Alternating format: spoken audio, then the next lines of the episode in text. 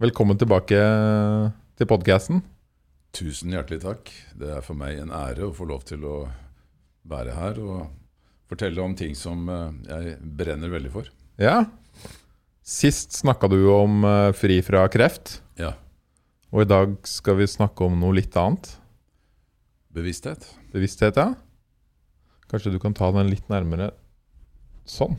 Sånn, Der. Ja. Herlig. Bevissthet, ja. Ok, Terje. Hva I ditt hode Og dette er du har for så vidt lagd dokumentar om, det kommer vi sikkert tilbake til. Men i ditt hode, og basert på de folka du har møtt og snakka med, hva, er det du, hva tenker du bevissthet er? Jeg har nesten uh, lyst til å snu det spørsmålet på hodet Ja?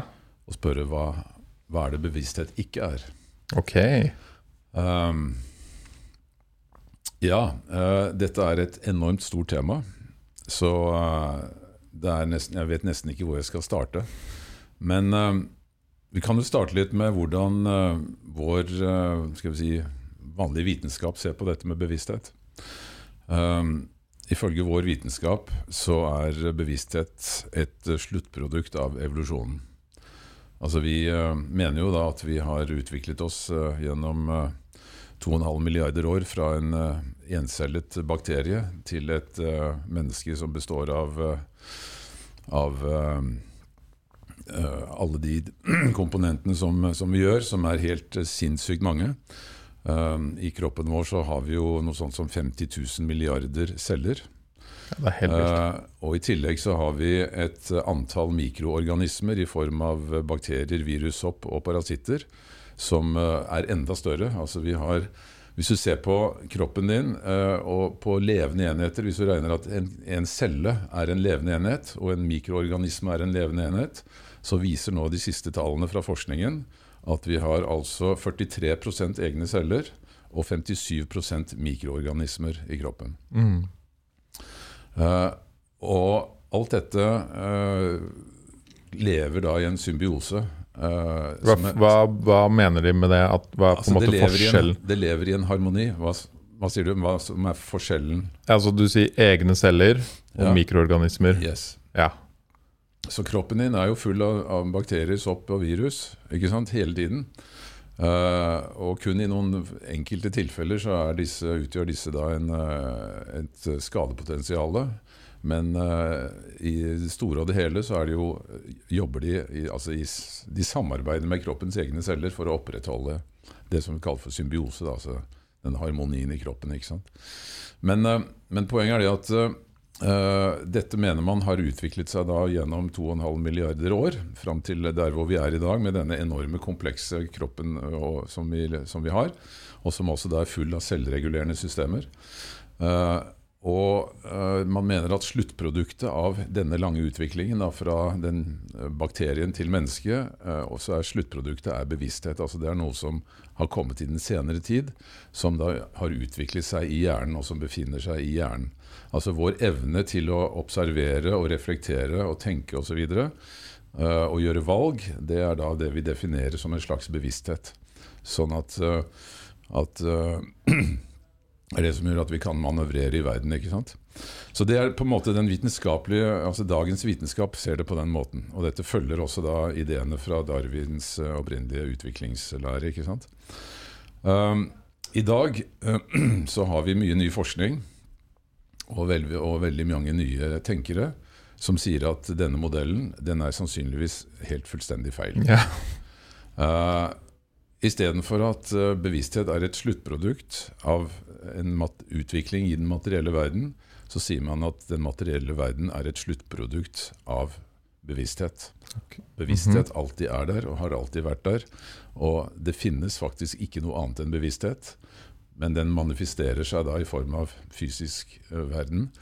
Uh, uh, ja, på måter som vi opplever, ikke sant. Så, uh, og dette nye, denne nye forståelsen har Det er egentlig ganske spennende, fordi at den har øh, kommet frem gjennom øh, de siste 100 år med kvantefysikk. Altså Kvantefysikken var jo en, en, ny fysikk, altså ned på det subatomære som utviklet seg på spesielt fra 1920-tallet osv. med Schrødinger, Bohm, eh, ikke minst Einstein, Planck osv. Alle disse store tenkerne. Eh, mange av de tyskere. Eh, de utviklet jo en helt ny form for verdensanskuelse gjennom denne kvantefysikken og kvantemekanikken. Og dette har jo da pågått nå i 100 år, og nå, nå begynner vi å forstå på et mye dypere plan hvordan verden egentlig er skapt, og hvordan alt, alt sammen henger sammen. Og det uh, er på ganske heftig kollisjonskurs med den eksisterende skal vi si, modellen da, som er utviklet gjennom vi si, den vanlige vitenskapen. Og I denne modellen så, så, så mener man da at bevissthet det er noe som egentlig er helt fundamentalt i hele universet. Og at vi som fysiske manifestasjoner Eh, av bevissthet egentlig bare er forskjellige måter som bevisstheten uttrykker seg på. Mm. Så alt har bevissthet, da, i denne modellen? Ikke har bevissthet, men er, er. bevissthet. Altså en dyr, insekt, trær ja. alt, alt, som er fysisk? Ja, for alt som er fysisk, og alt som ikke er fysisk. Og det man uh, mener, som man har uh, ganske god dekning for innen forskning, er at uh, vår virkelighet egentlig består av to hovednivåer, eller to, hovedplan. Altså Vi har en, den materielle virkeligheten som vi kan uh, observere gjennom våre sanser. ikke sant? Og så har vi den immaterielle virkeligheten, som egentlig er den skal vi si, egentlige virkeligheten, som er fylt av potensialer og energi. Altså energipotensialer slik at denne immaterielle verden den inneholder eh, alle tenkelige eh, skal vi si, oppskrifter på fysisk materie, hvordan den kan uh, utvikle seg. Sånn at i hele universet så er det fysiske manifestasjoner av immaterielle potensialer, hvorav vi på denne planeten bare utgjør én utgave. Så det man mener da, er at Så det kan være mange sånne type utgaver av ja, altså Sannsynligvis, og det, dette også sier denne forskningen, sannsynligvis er universet, uh, altså hele materielle universet er fullt av liv. Ja. Uh, fordi det er, virker som det er noe av hele konseptet, det konseptuelle i universet. Men uh, nå blir jo dette veldig mange heftige påstander å kaste ut sånn med en gang. Og de som jobber med vitenskap, de begynner sikkert å riste på hodet.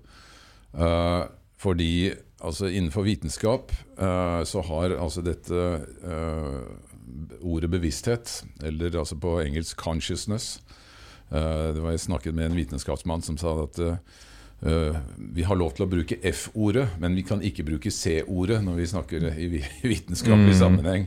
Altså vi kan, det å, å, begynne å snakke om bevissthet innenfor vitenskapelige forståelser, det, da er du liksom da er det plutselig New Age og New Wave og bla, bla, bla. Så helt fram til bare for noen tiår siden så har dette vært et tema som ikke har vært sett på som seriøst i det hele tatt.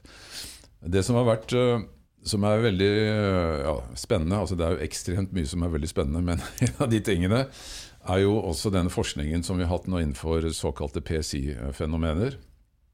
Uh, uh, Altså hvor vi har forsket på dette med remote viewing, med telepati, med psykokinese, altså på, at tanken kan påvirke materie. Uh, vi har i dag flere uh, svært seriøse forskningslaboratorier verden rundt som forsker på disse fenomenene, og som da uh, kan føre vitenskapelig bevis på at bevisstheten din ikke er lukket inn i hjernen, men den befinner seg utenfor, altså, egentlig utenfor kroppen, sånn at du kan plukke opp signaler langt utenfor deg. Hvordan Kan du fortelle om noen av de ja, altså jeg kan testene? F.eks. en test som er veldig mye brukt. hvis du plasserer to mennesker ved siden av hverandre i et laboratorium, og, de mediterer sammen. altså De på en måte går ned i en sånn litt dypere sinnstilstand, det som vi ofte kaller for alfa. Altså hvor du på en måte klarer å roe hele altså hjernen din ned. Og de sitter ved siden av hverandre og tuner seg innpå hverandre på en måte gjennom meditasjon. Da må det være folk som kan meditere, da. Ja. Som har liksom trent Ja, litt altså på det. poenget er at du må roe hele sinnet. ikke sant? Mm. Altså Sinnet er jo et kaos av tanker hele tiden. Du blir bombardert av Ja. tanker i, i det ustanselige. ikke sant? Så du må klare å roe sinnet. Og så blir disse plassert da i to forskjellige rom eh, med noen svære murvegger imellom. Så har de da eh, På den ene personen så har de da montert sånne elektroder, eller sånne øh, Hjerne- hjerne Altså sånn Hva heter det for noe? EKG? Eller Ja. sånne altså sensorer rundt omkring på hodet som kan måle øh, hjerneaktivitet. ikke sant? Hjernebølger. Og så på den andre personen i det andre rommet så har de en sånn svær f- blits, en sånn flash som du bruker i fotostudio, som gir et vanvittig sånn lyssjokk. ikke sant? Og så fyrer de av den flashen, og det skaper jo da et, et visuelt eh, skal vi si, en impuls da i den som sitter og, og får dette midt i ansiktet. Og så ser man at vedkommende da som sitter i det andre rommet, får en sånn spike. Altså en, eh, Da registrerer at det skjer også en impuls i hjernen til vedkommende. Så kan du fyre av den blitsen flere ganger, så ser du at eh, frekvensen er helt lik på, på den som sitter i det andre rommet. Sånn at, hans, at eh, det er en, en kombinasjon, en kommunikasjon, mellom disse to hjernene, da, for å si det på den måten. Og dette har man også utført på planter. Og disse folka sitter i De liksom, rom. sitter i atskilte rom, og de, kan, de rommene kan være gjerne en kilometer fra hverandre. Ja. Og dette har de testa mange ganger. grundig, bl.a. i Institute of Noetic Sciences, eh, et forskningsinstitutt som ble grunnlagt av den amerikanske astronauten Edgar Mitchell. Han var jo sjette mann til å, til å gå på månen i dette Apollo-programmet til amerikanere. Edgar Mitchell, eh, han, han på, han, jeg har møtt ham flere ganger. Eh, utrolig ålreit fyr. Han eh, fortalte at eh, da de var på vei til månen, så hadde de så mye å gjøre på veien oppover at de, de nesten ikke registrerte at de var i et romskip. Det var så mange arbeidsoppgaver de skulle utføre. Men han sa når vi kom på veien tilbake igjen, når vi hadde vært der og liksom gjort alt sammen, så fikk vi tid til å sette oss ned og reflektere. Og da satt han og så ut av vinduet i den lille romkapselen. Og så så han ut på den helt vanvittige stjernehimmelen. Som, eh, som er da helt, eh, helt annerledes å se på når du er ute i rommet, ikke sant? hvor det ikke er noe atmosfære. Og han sa at plutselig så fikk han en sånn epiphany, altså en sånn slags uh, helt spesiell uh, opplevelse inni kroppen. At han faktisk var At alle molekylene, alle atomene i kroppen hans var en del av alt det han så der ute. Mm. Så det var en sånn veldig sjelsettende opplevelse, fortalte han. Så det han gjorde etter at han var ferdig i NASA, da noen et par år etterpå, så startet han, så øh, startet han da et institutt som skulle forske på bevissthet og sånne type opplevelser. Så han øh, startet det som et Institute of Noetic Sciences, som er blitt et svært forskningsinstitutt i øh, California. Og øh, øh, en av de som driver, øh, som er forskningsleder her, som heter øh, Dean Radin, som jeg også har truffet mange ganger, han eh, forteller jo om dette eksperimentet som en nettopp refererte til. Det har de gjort veldig mange ganger. Og De har også gjort andre typer eksperimenter, med f.eks. remote viewing. At folk kan sitte og, og, og ta imot informasjon fra en, eh, en, eh, et annet sted på kloden. Og, og skal vi si, lage tegninger av figurer da, som blir sendt. ikke sant? På hvilken måte gjør de det? Ja, altså eh, For å eh, bruke et, et helt konkret eksempel da. Eh, amerikanerne hadde på 80-tallet et program eh, i, altså på, i det amerikanske forsvaret som het eh, Stargate. Som var drevet av en fyr som het Ed May, som jeg for øvrig også har truffet og intervjuet. Uh, Du har og- truffet alle, Terje. truffet Alle disse mange, utrolig mange spennende. ja. Og han unnskyld, forteller at poenget var at uh, amerikanerne ønsket å finne ut uh, hva som foregikk inne i disse mystiske bunkerne i Russland, hvor de drev med skal vi si, bygde eh, våpensystemer og eh, drev med ulik form for forskning osv. Så, videre. så de hadde jo selvfølgelig etterretning på bakken, altså med CIA osv som prøvde å spionere på russerne for å vite hva slags teknologi de utvikler. og alt dette her. Men så, så brukte de da uh, psychic mediums, altså mennesker med sånne psykiske abilities eller evner, til å eh, komplementere den, eh, si, eh, den spionasjen ved at de kunne prøve å se hva som foregikk der inne. Og han sa at de hadde da et team på en 15-20 sånne psykiske medier, som da fikk i oppgave å tegne f.eks. hvordan en installasjon så ut, hvordan rommene så ut, eh, hva som eh, eventuelt skjedde i de forskjellige rommene. Og han sa at vi fikk veldig eh, nøyaktige informasjoner fra disse forskjellige. Som, som da kunne komplementere den øvrige etterretningen. Og Det de ikke visste på den tiden, var at russerne gjorde akkurat det samme, men de hadde ti ganger så mange sånne medier. For russerne har veldig lenge vært helt i front når det gjelder eksperimenter med, altså innenfor PSI-området. da. Eh, Så han sa at uh, etter at den kalde krigen var over, så begynte de å samarbeide med russerne om dette. Men i hvert fall de fikk veldig mye informasjon gjennom dette her. Og han sa noe av det som vi også brukte det til, var at vi klarte å, å uh, detektere disse ubåtene som kom med narkotika fra Mellom-Amerika. Fordi uh, disse narkotikasmuglerne de hadde bygd sånne mini-ubåter som de da kjørte under vannet og lossa i mørket i Miami eller et eller annet sted ikke sant, på den amerikanske kysten. Og flere ganger så brukte de da psykiske medier til å peile inn disse eh, båtene. Og uh, med stor treffsikkerhet så klarte de mange, veldig mange ganger å spotte de og ta de. ikke sant? Og disse om bord i båtene de kunne ikke begripe hvorfor plutselig den amerikanske marinen dukket opp uh, midt ute på havet og, og, og fanget de, når de ikke hadde altså, etterlatt seg noen spor eller signaler eller noen ting. Så han sa at det var ekstremt effektivt i å spore opp kriminelle og sånne typer virksomheter. Så det er ett eksempel på hvordan dette her blir brukt. Jeg har også møtt en, en Hvordan bruker de det samme typen teknikker i dag? da? Vet du noe om det?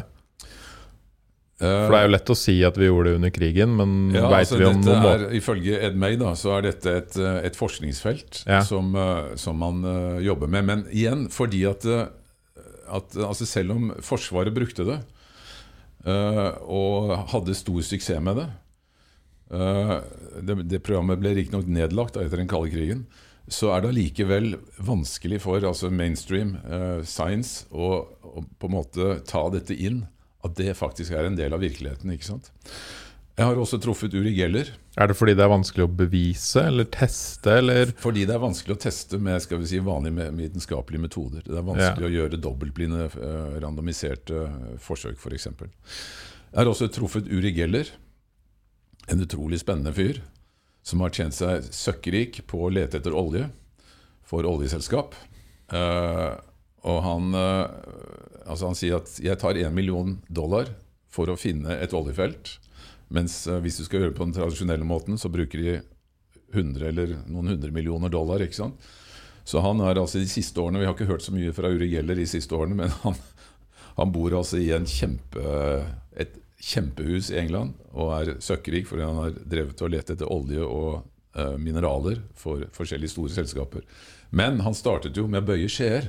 Og da jeg traff Uli Geller, så hadde jeg med eh, Vi er sammen med sønnen min. Vi gjorde et intervju med han. Han var i Norge for en del år siden. Håper du hadde med en skje. Vi hadde tatt med en skje fra kjøkkenskuffen. Og vi skulle riktignok intervjue han om mer generelle ting, så det filmet ikke. Så det var først etter at vi hadde pakka ned filmutstyret, så sier sønnen min at Uri kan ikke se om du kan bøye den skjea. Så sto han altså 20 cm foran nesa mi, holdt skjea i hånda, strøk på den ti ganger med fingeren, og plutselig så bøyer skjea seg helt rundt 180 grader. Altså det er, helt, det er det sprøeste jeg har sett. Og den skjea var så hard at jeg klarte ikke å bøye den med, med hendene mine. ikke sant? Og så det er det som er så vanskelig med det her, da, fordi folk som også sikkert lytter, de bare sånn Man veit jo ikke hva man skal tro. Nei. Ikke sant?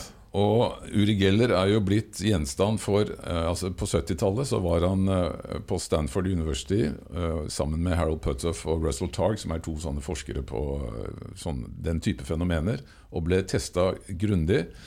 Og han altså Som de måtte konkludere med, at effekten var helt utrolig. Altså han kunne, De kunne tegne figurer, geometriske figurer, putte i en konvolutt og legge det ved siden av han. Og så tegnet han akkurat det samme på tegneblokka. Og dette skjedde altså i Altså, det stemte hele tiden. Det var, altså, og det er så grundig dokumentert med forskning at det, det, du kan ikke trekke andre konklusjoner enn at han hadde en evne til å, å, å kunne se noe som ikke vi så. ikke sant? På grunn av hans kobling til bevisstheten. Ja, Er det det så- du tenker? Ja, fordi at han er jo altså så, er- så er jo hele poenget eh, spørsmålet hvordan i all verden kan dette skje? Altså Hvordan kan vi forklare dette? Må jo, altså, det må jo kunne forklares fysisk også, ikke sant? Og da kommer vi inn på kvantefysikken. Men før vi går dit, så vil jeg Ja. gjerne snakke om en del andre ting. Ja, ja. Fordi altså Kvantefysikken er Step by step. så ekstremt fascinerende. Uh, og det, det som er det eh, sprøeste av alt, er at det kan forklare disse fenomenene på en veldig grei og forståelig måte. Som en del av hvordan hele naturen virker, som er en del av hele konseptet som vi lever i. Da. Men tilbake eh, Dette blir jo litt hopp og sprett, men tilbake til spørsmålet egentlig. Ikke sant? Hva er bevissthet? Og eh, det man altså har, har kunnet fastslå, er for det første at bevissthet er ikke noe som er isolert i hjernen din. Uh, det man mener nå, er at hjernen din sannsynligvis fungerer mer som en antenne. Og en, altså både en sender og en mottaker. Eh, fordi at eh, eh, rommet, altså det som vi kaller for space, som egentlig er, vi ser på som tomrom, Rommet man sitter i nå. ikke bare rommet man sitter i nå, men altså ehm, Hvis du har et vakuumkammer, altså en stor beholder, hvor du kan suge ut all luft, hva er det som er igjen inni der da? Ok, Det er ingenting, ikke sant? Det er, det er bare rom. Det er det vi kaller vakuum. Og man har trodd at, uh, veldig lenge at vakuum det inneholder absolutt ingenting. Og man har også trodd at når det kommer utenfor jordens atmosfære, så er det vakuum. ikke sant? Det inneholder ingenting, bortsett fra noen materielle partikler i form av noen soler og planeter og, og eh, asteroider og kometer. ikke sant? Så er det stort Alt ellers er bare ingenting. Eh, Det samme er inni atomet. Da har man også sett at, at 99,9999 av det som er inni atomet, det er bare tomrom. Det er ingenting. Altså eh, atomkjernen altså Vi vet jo hvordan atom ser ut, ikke sant? som en liten boble. Uh, vi har jo denne klassiske atommodellen med en sånn uh, boble hvor vi ser noen sånne satellitter som sveiver rundt, som skal forestille elektroner, og så har du en kjerne i midten. Altså Den kjernen i midten den er en titusendedel uh, av, i størrelse av hele atomet. En titusendedel er atomkjernen.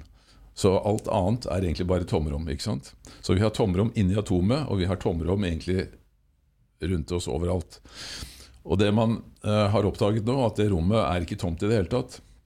Det er nemlig fullt Det er stappfullt av energi og, og energipotensialer. Det skal vi komme tilbake til. For da, men eh, men eh, skal vi se, nå sporer jeg litt av her. Eh, Når vi da kommer til, eh, tilbake til dette med bevissthet, da, så, og, og hvordan disse tingene kan Kvantefysikk. Ja, Kvantefysikk er jo stikkordet. Mm. Men jeg hadde tenkt å si et par ting før vi kom inn dit. Men i hvert fall så mener man da at, at bevissthet er altså ikke noe som er et sluttprodukt av evolusjonen, men at evolusjonen er et sluttprodukt av bevissthet. Og Uh, igjen, altså vår naturvitenskap den uh, startet jo opp for uh, ja, 400 år siden og har utviklet seg med Newton og Darwin og alle disse her. Og noe av hele poenget med vitenskapen er at den en gang for alle klarte å lage et skille mellom kirke og tro og skal vi si, eh, solid, eh, dokumenterbar vitenskap. Altså Det var et veldig stort skille i vår historie. At vi klarte å eh, skal vi si, fri oss fra de mytene og, og historiene og skapelsesberetningene som Kirken presenterte. ikke sant? Og over til å utforske verden slik den egentlig er. Og, så, det, så det har jo liksom vært hele vitenskapens fortrinn. At den har på en måte frigjort seg fra, fra tro og myter. Og eh, altså religion, sånn som eh, det eksisterer i veldig mange forskjellige former, eh, det har jo vært en måte eh, å, å prøve å forklare ting på. Fordi altså mennesker som Vi har sannsynligvis eh, i den formen vi er i dag, sier vitenskapen at vi har eksistert i hvert fall i over 200 000 år, kanskje 300 000 år. Med samme type hjernekapasitet som vi har i dag. Yes. Sånn at vi sannsynligvis har mennesker til enhver tid undret seg over hvem er jeg egentlig? Hvorfor er jeg her? Hva er greia, ikke sant? Altså, hva er liksom What the fuck? Hvorfor? ja. Hva er konseptet? Og, Og folk hadde kanskje også mye mer tid til å tenke før. Og de hadde I hvert fall sannsynligvis. Når de satt rundt bålet, ikke sant. Eh, Så, så dette har jo opptatt mennesker til all tid, å prøve å finne forklaringsmodeller som kunne tilfredsstille disse spørsmålene. Og etter hvert så var det sikkert noen smarte hjerner som fant ut at ok, hvis vi Fordi at verden var vanskelig å kontrollere, mennesker var vanskelig å kontrollere. ikke sant? Alle har hver sin vilje, og hver sin idé osv. Så, videre. så det å koordinere liksom mennesker og få det til å fungere sammen, det krevde liksom en, en viss form for disiplin.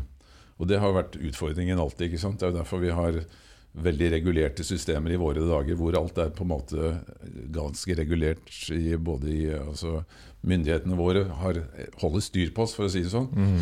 Eh, men altså for å, å skape en, et mer disiplinert samfunn, så måtte man på en måte uh, både ha lover, og man måtte ha dommere. Og man måtte ha noen som kunne utøve dette. ikke sant? Og Derfor så var det egentlig en helt genial idé å konstruere en eh, gud som var uangripelig fordi han var ikke fysisk. Samtidig så var han autoritær, og så var han både lovgiver og dommer. Og så hadde vi da et presteskap som selvautoriserte seg til å være talsmann for denne uangripelige eh, himmelske autoriteten. ikke sant? Så Derfor kunne du si at hvis ikke du gjør sånn og sånn, så blir du straffet av Gud. Hvis du gjør sånn og sånn og sånn, så blir du belønt av Gud. ikke sant? Så hadde du plutselig et styringsverktøy som var helt unikt, og som du kunne egentlig bare lage alle de lovene du ønsket for å få samfunnet til å fungere. Og Det mener jeg er opphavet til uh, nesten alle uh, religioner. Egentlig et utrolig genialt styringsverktøy for å kunne få skal vi si, mer, uh, altså tidligere mer usiviliserte samfunn til å fungere. ikke sant? Og det For alle steder man graver opp og finner, og nye sånne eldgamle ruiner og sånn, alle, alle trodde på et eller annet. alle, alle har trodd på et eller annet. Fordi vi hadde et desperat behov for å, å forstå. ikke sant? Og, og når religionen kom, og du fikk disse beretningene om at uh, alt fra Adam og Eva til uh, djevel og Gud og hele pakka, så hadde du liksom plutselig et rammeverk som du kunne forholde deg til. Og det har jo skapt uh, for så vidt mer ordnede forhold på mange måter, samtidig som det har skapt ekstremt mye lidelse, ikke sant? fordi at det har vært veldig misbrukt. da. Og så har det jo også bevist nå at jo mer folk lider, jo mer tror de også Ikke sant? på et eller annet. Ja, fordi vi på en har, gud. vi har altså denne iboende uh, fornemmelsen av at det må finnes noe større enn oss. Og jeg mener at det i seg selv er et bevis på at det finnes noe større enn oss. Mm. For hadde, ikke, altså, hadde verden vært sånn som Darwin f.eks. Uh, mener, da, at vi er blitt til gjennom en ren tilfeldig, altså en lang rekke med mutasjoner fra en bakterie fram til et menneske, eh, at alt har liksom skjedd, helt random, ikke sant? Og så har den eh, mest eh, fordelaktige utgaven av en mutasjon overlevd og brakt det videre. Det var jo en forklaringsmodell som var veldig fascinerende eh, på hans tid. Fordi alt var mye enklere for 150 år siden. Eh, Verden trengte enklere forklaringsmodeller for å kunne begripe det. Og Darwins forklaringsmodell den passa helt perfekt inn på 1850-tallet. ikke sant? At uh, det var 'survival of the fittest', altså den mest tilpasningsdyktige versjonen av mutasjoner, var det som uh, brakte evolusjonen videre. Uh, Men vi ser jo i dag at denne modellen til Darwin også er helt banal. Den er altfor enkel, og den stemmer ikke med virkeligheten i det hele tatt. Og en av grunnene til at vi kan si det, er at vi ser at hele verden er bygget opp av veldig komplekse systemer som samarbeider. Eh, sånn at uh, hvis du skal redusere et komplekst system ved å ta bort en del, så funker ikke hele systemet. Det betyr at utviklingen ikke bare har gått liksom fra én mutasjon til én mutasjon, men den har gått i noen enorme kvantesprang, hvor du må ha liksom 10 000 mutasjoner. Altså for at en For å si det sånn, da. For at en fisk skulle krype opp på land og bli til en fugl, så kan ikke det skje gradvis lineært ved at den liksom får litt mindre gjeller og litt mer vinger liksom etter hvert. Altså det, det, det, er, ikke sånn det funker. For å ta et veldig enkelt eksempel, da, eh, for dette kalles for eh, ikke-reduserbar eh, kompleksitet. Tenk deg en musefelle. Mm. Den består av fire-fem deler. For at den skal virke, så må alle delene være der på plass. ikke sant? Du har en treplate, du har en springfjær med en svær bøyle på. Du har en stang som holder den bøylen nede ved hjelp av en utløsermekanisme. Altså Du har fire deler som må til for at den musefella skal virke. Og du kan ikke bare skape én del av gangen. Du er nødt til å ha alle de fire delene på plass samtidig for at det skal bli en musefelle. Hvis du overfører det til et øye Tenk deg hvor ekstremt komplisert et øye er. Altså Du har en, en hinne, du har en linse, du har en sensor bak øyet, du har nerveceller som skal transportere dette inn i hjernen. Altså Øyet er så sinnssykt komplekst at hvis det skulle ha utviklet seg gradvis mutasjon for mutasjon, så ville det vært helt utenkelig. ikke sant? Sånn at Darwins evolusjonsteori sier at ting utvikler seg eh, tilfeldig gjennom mutasjoner, og at den beste versjonen overlever. Mens den nye teorien sier at dette kan ikke fungere uh, uten at du har et feedback-system. Altså Du er nødt til å ha et system som forteller om denne mutasjonen, altså som, som hele tiden forteller tilbake hva som er uh, lønnsomt. ikke sant?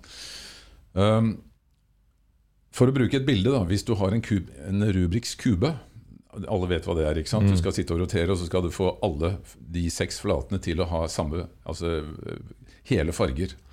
Du starter med at det er et kaos, og så skal du sitte og vri på denne til du får alt til å stemme. Så har man gjort beregninger. Hvis du gir en Rubiks kube til en blind mann, så vil han i løpet av hele sin levetid, selv om han gjør en vridning hvert eneste sekund, 24 timer i døgnet, så vil han aldri i løpet av sin levetid klare å løse kuben. Og selv om han gir den videre til sitt blinde barn, som gir den videre til sitt blinde barn, så vil det gå altså, flere tusen generasjoner før man tilfeldigvis klarer å gjøre dette. ikke sant? Hvis du gir den samme... Du må putte på litt logikk og litt Ja, men altså, hvis du skal gjøre de blinde, ikke sant? At ja, ja. det er tilfeldig. Hvis du gir den til en mann som ser, så bruker han ca. tre minutter på å løse den. Fordi han hele tiden får feedback fra det han gjør. ikke sant? Litt oppegående kar, da. Nei, de fleste klarer på mellom to, på tre minutter? På mellom to til tre minutter.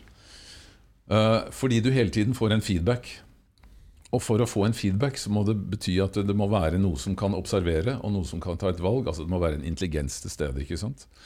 Uh, Darwins uh, teori sier at intelligens er noe som er et sluttprodukt av evolusjonen. Alt annet har bare vært helt tilfeldig. Mens denne nye forståelsesmodellen sier at det en, har vært en intelligens der hele tiden som, er, som som er i en sånn feedback-sløyfe hvor den hele tiden kan vurdere og ta valg hvor neste step skal gå. Og, du, og på den måten så kan du, altså med, igjen, hvis du tar denne feedbacken inn i bildet, sånn som du gjør med Rubriks kube, at du kan se hva som er resultatet av det du gjør, så kan du forstå hvordan verden kan ha utviklet seg fra en, en, fra en bakterie til et menneske på 2,5 milliard år. Hvis du tror det er tilfeldig, så har du Uh, altså så det ikke det ville ta mye lengre tid. Det ville ta mye lengre tid enn hele altså Universet er 13,7 milliarder år gammelt, kan man seg til.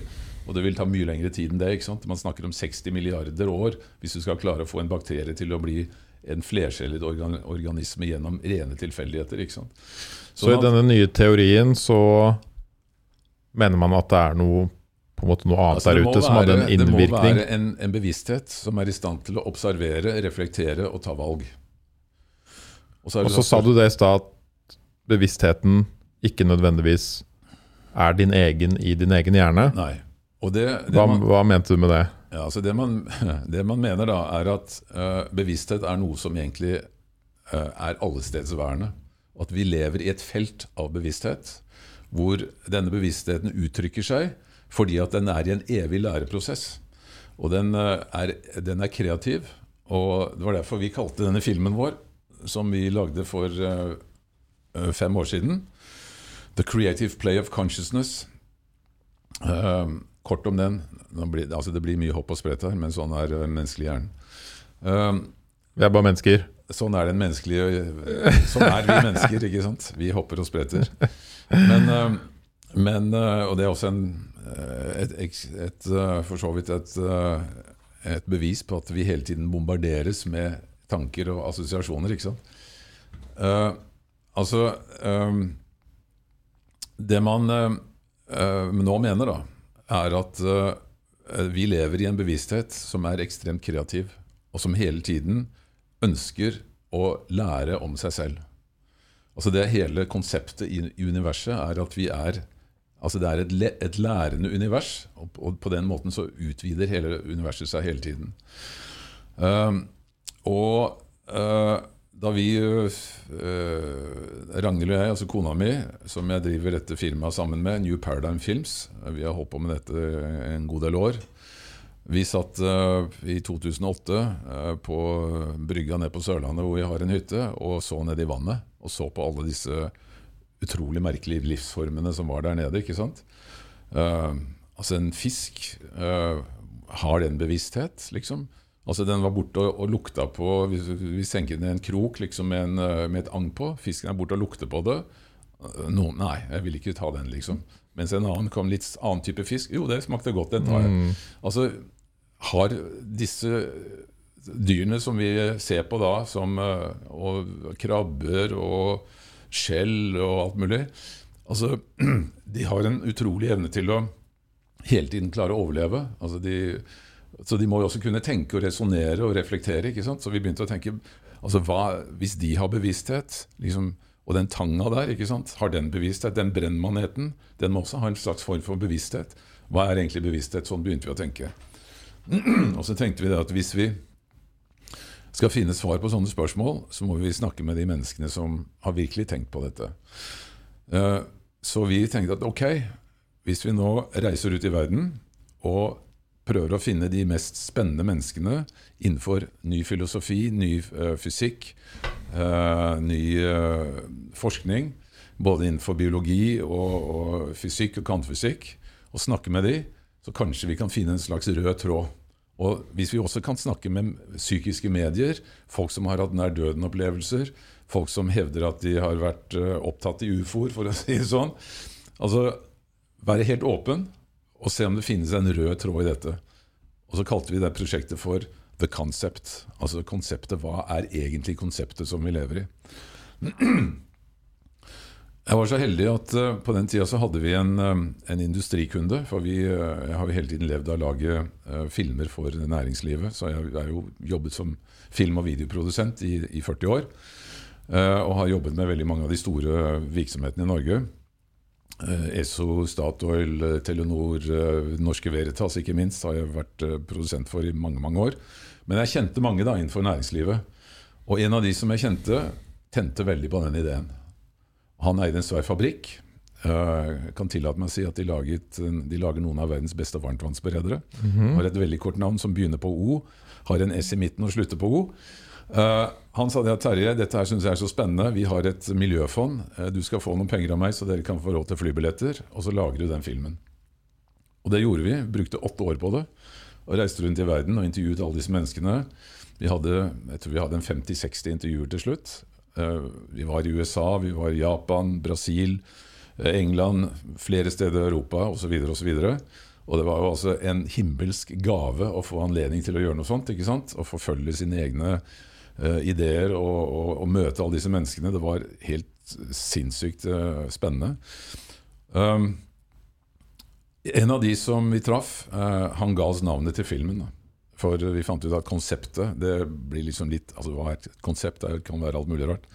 Men da vi traff Deepak Chopra, eh, den indiske legen, som også er for så vidt en slags nærmest har liksom gurustatus da, innenfor spesielt yes. alternativ tenkning han, han, eh, han, sa det at eh, altså indisk filosofi, vedanta, forteller at verden er sånn. Samme, og den er helt sammenfallende med kvantefysikken. Altså Kvantefysikkens måte å se verden på er veldig sammenfallende med den indiske tradisjonen. Uh, han sier at Der er tradisjonen at bevissthet er det som er alt. Alt som er. Det finnes ikke noe annet enn bevissthet. Og så spurte jeg hva er det da som gjør at denne bevisstheten kan skape? Så sa han It's the creative play of consciousness. Just like air, move, just like movement is inherent in air, creation is inherent in consciousness.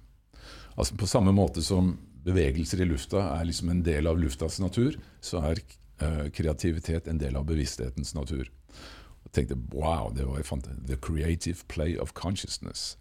Ok, vi måtte oversette det til norsk. Bevissthetens kreative spill. Det er ikke like sexy, liksom. Men, Ting høres aldri like sexy ut på å, men, norsk. eh, men det ble i hvert fall en utrolig spennende film. Hvor vi satte sammen liksom, eh, ekstrakten fra alle disse intervjuene i en film som, eh, som varer i litt over to timer. Så vi lagde en sånn dobbel DVD. var den gangen man hadde DVD-spiller. Den var ferdig i 2016.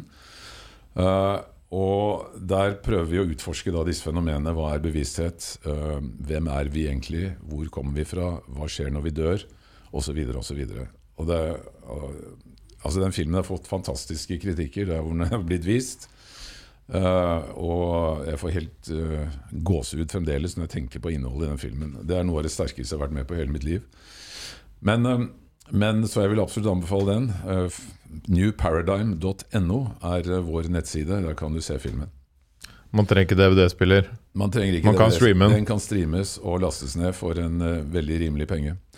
Men i hvert fall, vi var kjempeheldige som fikk muligheten til å gjøre dette. Og jeg må si at etter at jeg har vært gjennom alt det der, der så er jeg helt fullstendig overbevist om, som veldig mange av disse sier, at vår verden vil aldri komme noen særlig videre i måten vi eh, lever på og, og behandler hverandre på og behandler jordkloden på, før vi forstår dette konseptet med hva bevissthet egentlig er, og hvem vi er en del av. Og dette er det nå så mye god forskning på at dette ligger rett foran nesa på oss. Og det er forskere nå som sier at i løpet av en tiårsperiode så vil det komme et, monumentalt paradigmeskifte i verden hvor bevissthet blir tatt inn i alle vitenskapelige ligninger. Eh, og vi forstår uh, hvordan hva gravitasjon er, vi vil forstå hva energi er, vi vil forstå hvordan vi kan tappe ut energi av vakuum. Uh, I dag så er vår energiproduksjon basert på å gå ekstremt mange omveier for å til For å kunne ta energi, uh, for å, eller produsere strøm, da. Eller andre former for energi. ikke sant? Gjennom fossil energi, gjennom hav, eh, altså vind og atomenergi osv. eh, Og kull og alt dette her. Fossile energier. Mens det er å gå en ekstrem omvei, da, for vi kan tappe det direkte ut av vakuum. Og det skal jeg komme litt mer inn på når vi går inn på kvantefysikken. Men i hvert fall, vi står eh, i dag et, rett foran et enormt veiskille. Eh, og mange mener også, ja, disse nye forskerne, at det er bare eh, snakk om noen få år før vi er i stand til å kontrollere gravitasjon. Som vil da kunne revolusjonere hele måten vi transporterer ting på. Uh, og hvis vi ser tilbake på uh, vår historie Og det har noe med bevissthet å gjøre, eller? Det har også noe med bevissthet å gjøre. Alt dette er kobla sammen. I en I kvantefysikk òg. i kvantefysikken.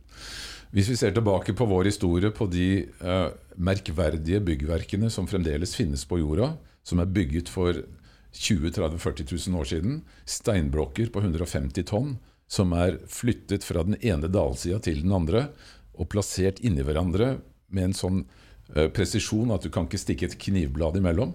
Altså Det er helt umulig altså, å forklare dette på en logisk måte hvis du tenker at de som levde på den tida, var steinaldermennesker. Hvordan i all verden skulle de klare å gjøre dette? Helt utenkelig. Altså, Eneste måten du kan forklare det på, at de hadde kunnskap til å kunne levitere ting. Til å kunne flytte ting også med en annen kraft enn eh, muskelkraft. ikke sant?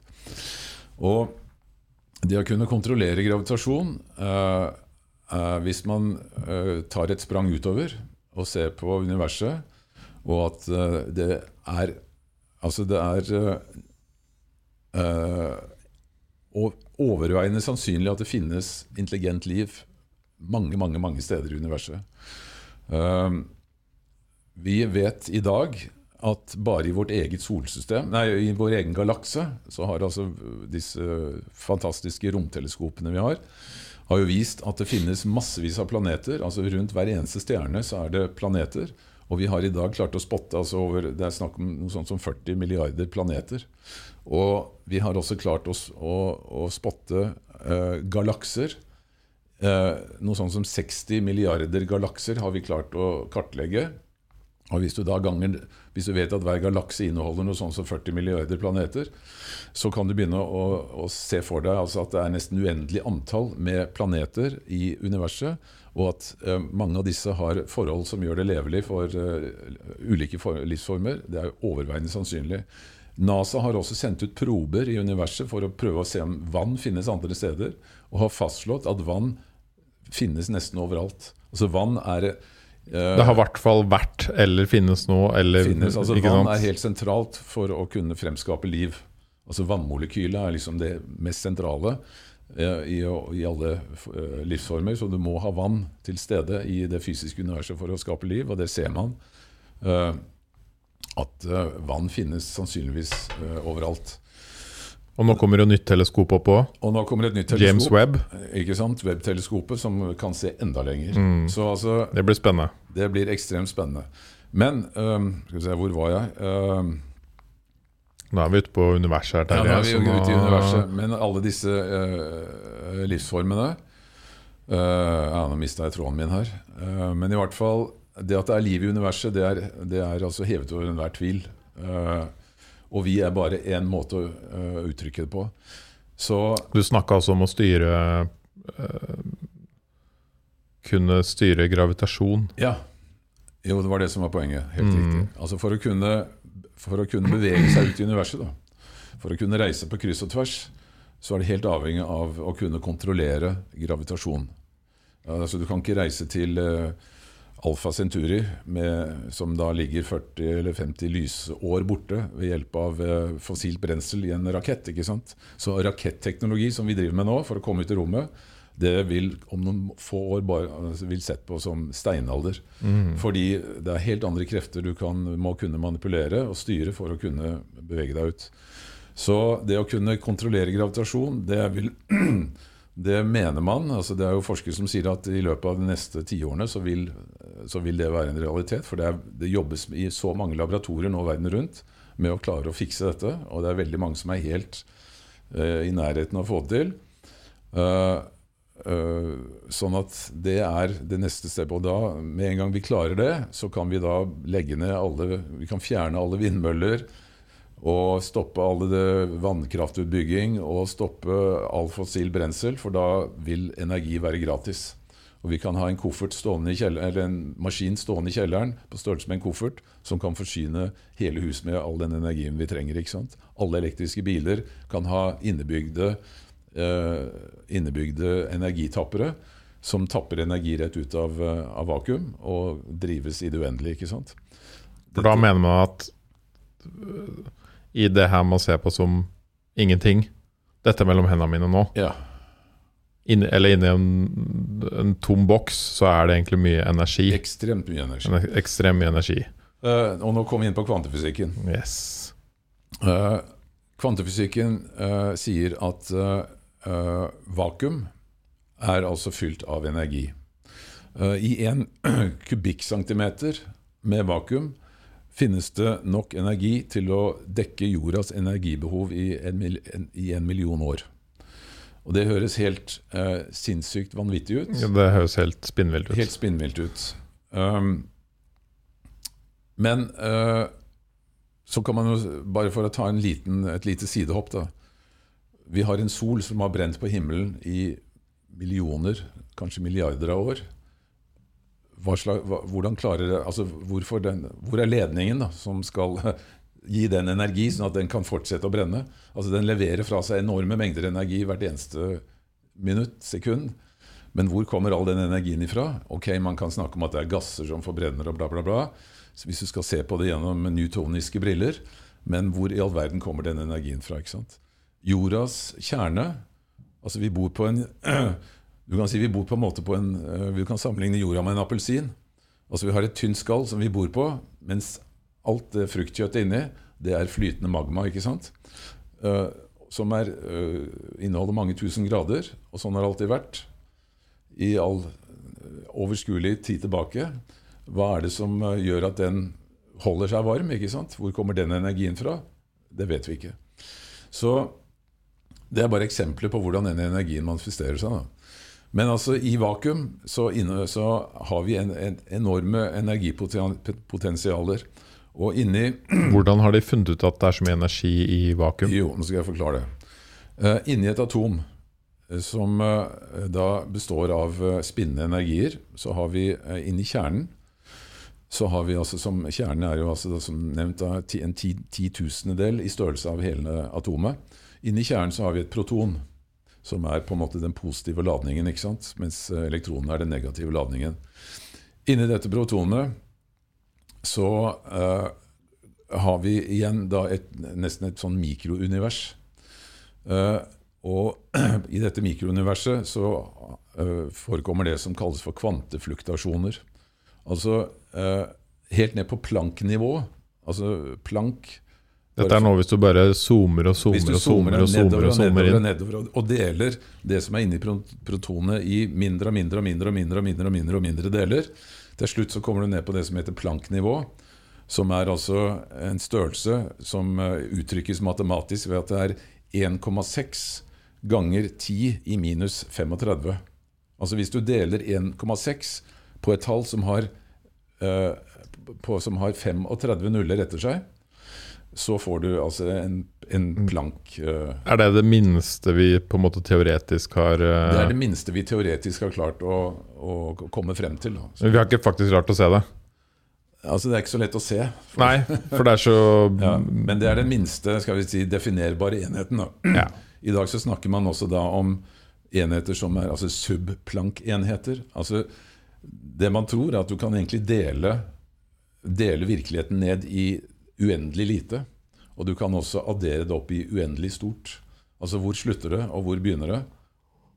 Det er fra uendelighet til uendelighet, ikke sant? Et bra tips Det er to BBC Horizon-dokumentarepisoder. Den ene heter How Biggest Universe. Den andre heter How Smallest Universe. Ja. De er jævlig bra. Så den ene zoomer de så langt inn de kan, Ja. helt ned til plank og sånn, Mm. og forteller om liksom Hva er det minste teoretiske vi kan se for oss? Ja. Og snakker om kvantefysikk. Og andre vei så zoomer de så mye ut de kan. Mm. Veldig kult. Men i hvert fall, ja, det er kjempekult. Jeg har ikke sett de, men det var et godt tips. Uh, på planknivå så ser man at vi har det som heter uh, kvantefluktasjoner. Altså det er en form for uh, energipartikler som uh, flukterer ved at de spinner eh, med lysets hastighet. Og det eh, Altså, du kan Jeg håper å si eh, Alle de som følger med på Lottosendingen, de har sett den der svære kula, eller den, den beholderen som inneholder alle disse 36 Er det ikke 36 tall? Jo.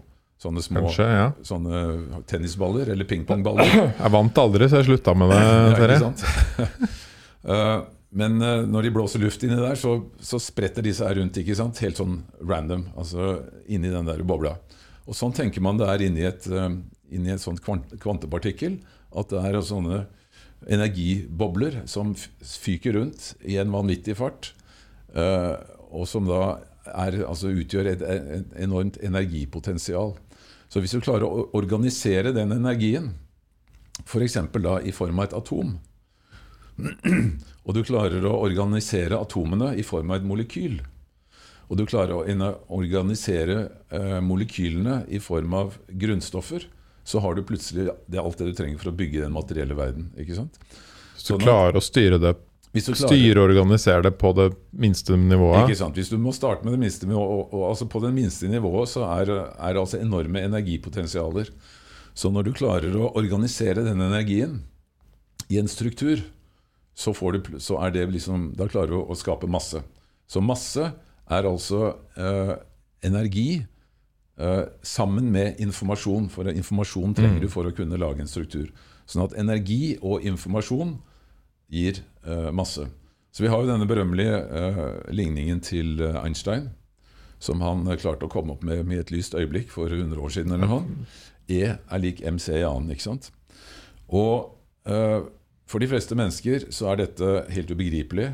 Altså Jeg har aldri skjønt hva det egentlig altså, jeg, jeg, jeg kan skjønne sånn konseptuelt hva det betyr, men hva det egentlig er, det har jeg aldri skjønt. Og det er det svært få som har skjønt. Fordi altså masse Ok, masse er liksom det vi kan ta og føle på, men hva er det egentlig? Det er nesten ingen som, har, som vet. altså Innerst, altså hvordan har det oppstått? Vi vet ikke. Uh, lyshastigheten, som er da C-en, ikke sant? Det er da en, øh, visstnok altså Lyshastigheten er sånn veldig nært opp til 300 000 km per sekund. 299, et eller annet per sekund. Kilometer per sekund. Hvorfor stopper den der, liksom? Vi skjønner ikke det. Ok, Så vi har altså to elementer, M og C, som vi egentlig ikke skjønner hva er. Og det skal da være lik E og energi. Og hva er energi for noe egentlig? Altså Vi vet hvordan det funker, liksom, at vi kan bevege armer og bein. Men hva er det egentlig? Det skjønner vi heller egentlig ikke. Så den ligningen består egentlig, men sier at det som vi ikke skjønner, er likt noe annet som vi ikke skjønner. Derfor så er den der jeg lik MCA-en' like genial som den er uforståelig. ikke sant? Mm.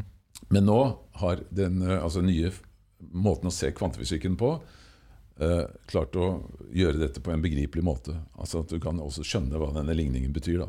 Og da må du starte helt ned på planknivå og se på disse kvantefluktuasjonene og se at energi er et uh, altså det er et basic i hele universet. Så er det fluktuasjoner ned på det aller minste, minste, minste, minste nivået, som da er et uh, som opptrer i form av et spinn. Sånn at spinn er skal vi si, basis for å organisere hele universet gjennom matematiske modeller. Og så At noe spinner? At noe spinner. Og du Unnskyld. Du kan jo se, Når du ser ut på galakser, så ser du at det spinner. ikke sant? Mm -hmm. Hvis du ser på en, et satellittbilde av en orkan, så spinner det. ikke sant? Du ser det et, nesten som et sånt hjul med en, en kjerne i midten. Eller badekaret. Eller i badekaret har du virvler. Sånn at spinn uh, er det samme. Det foregår også da inne i atomet. Er det energispinn. Sånn at den eh, skal vi si, Rutherfords uh, atommodell som han presenterte i 1911, som besto av hvor elektronene var fremstilt som sånne satellitter, sånne kuler som svevde ut, akkurat som planeter rundt sola. ikke sant? Det var en veldig veldig forenklet modell. det er energi som spinner. elektronene utgjør et energipotensial i form av spinnende energi, og kjernen utgjør et annet energipotensial. Og dette spinnet, dette energispinnet, uh, når det blir organisert, som sagt, i strukturer, så kan du bygge materie med det. ikke sant? Men så spør, kan du igjen spørre hvor kommer disse fluktasjonene fra? Da? Hva er det som setter i gang dette spinnet? Det som, og der er vi liksom inne på hele kjernen da, i skapelsen. Det må være en eller annen kraft, en eller annen drivkraft, som ligger bak dette, og som man da mener er dette merkelige fenomenet, dette mystiske, uforklarlige bevissthetsfenomenet. ikke sant? Ok, Noen kan kalle det Gud, noen kaller det kosmisk intelligens. Noen kaller det prana, chi, ka i forskjellige kulturer. ikke sant? Altså denne uendelige kraften som egentlig hele tiden sørger for å holde dette drivverket gående, og som hele tiden lærer om seg selv. Så når du ser på, på, verden på den måten at vi lever i, et, i en bevissthet, altså nesten som om vi lever inni en tanke, hvor hele tiden denne tanken har ett formål, og det å lære om seg selv. Sånn at alt det den tanken skaper, er individuelle uh, enheter som er, representerer tanken, men som da får fri vilje til å skape og utforske på egen hånd. ikke sant? Sånn som vi er. Sånn som vi er. Og jeg husker jo TV2 Og fisk. Og fisk. og, og, tang og maneter og you name it. Uh, jeg husker TV2 for mange år siden hadde et sånt uh, mantra, eller et slagord som de presenterte, som var 'Se hva som skjer'. Mm. Og egentlig så er det det som skjer altså, i hele vår virkelighet. Hele vår uh, tilværelse er basert på konseptet 'se hva som skjer'. Universet ønsker å, leve, å, lære om seg selv, og mens det lærer, så utvider, utvider det seg hele tiden. Og uh, innenfor, Vi har jo også innenfor kosmologien, da, eller astrofysikken, så har vi uh, prøvd å kunne finne måter å forklare uh, hvordan universet beveger seg på. og vi ser, vi har klart å se at universet utvider seg hele tiden. og i hastigheten som det utvider seg på, så kan man da regne seg tilbake og tenke seg at uh, sannsynligvis fordi det utvider seg, så må det ha egentlig startet et sted. Mm. Da tenker man at det startet som en liten klump. Og så kan man regne seg tilbake til 13,7 milliarder år. Men uh, Så det, det, er liksom Derfor har man fått denne teorien med big bang. ikke sant? Fordi at man ser at det er en, en, ekspansjon, en, en ekspansjon.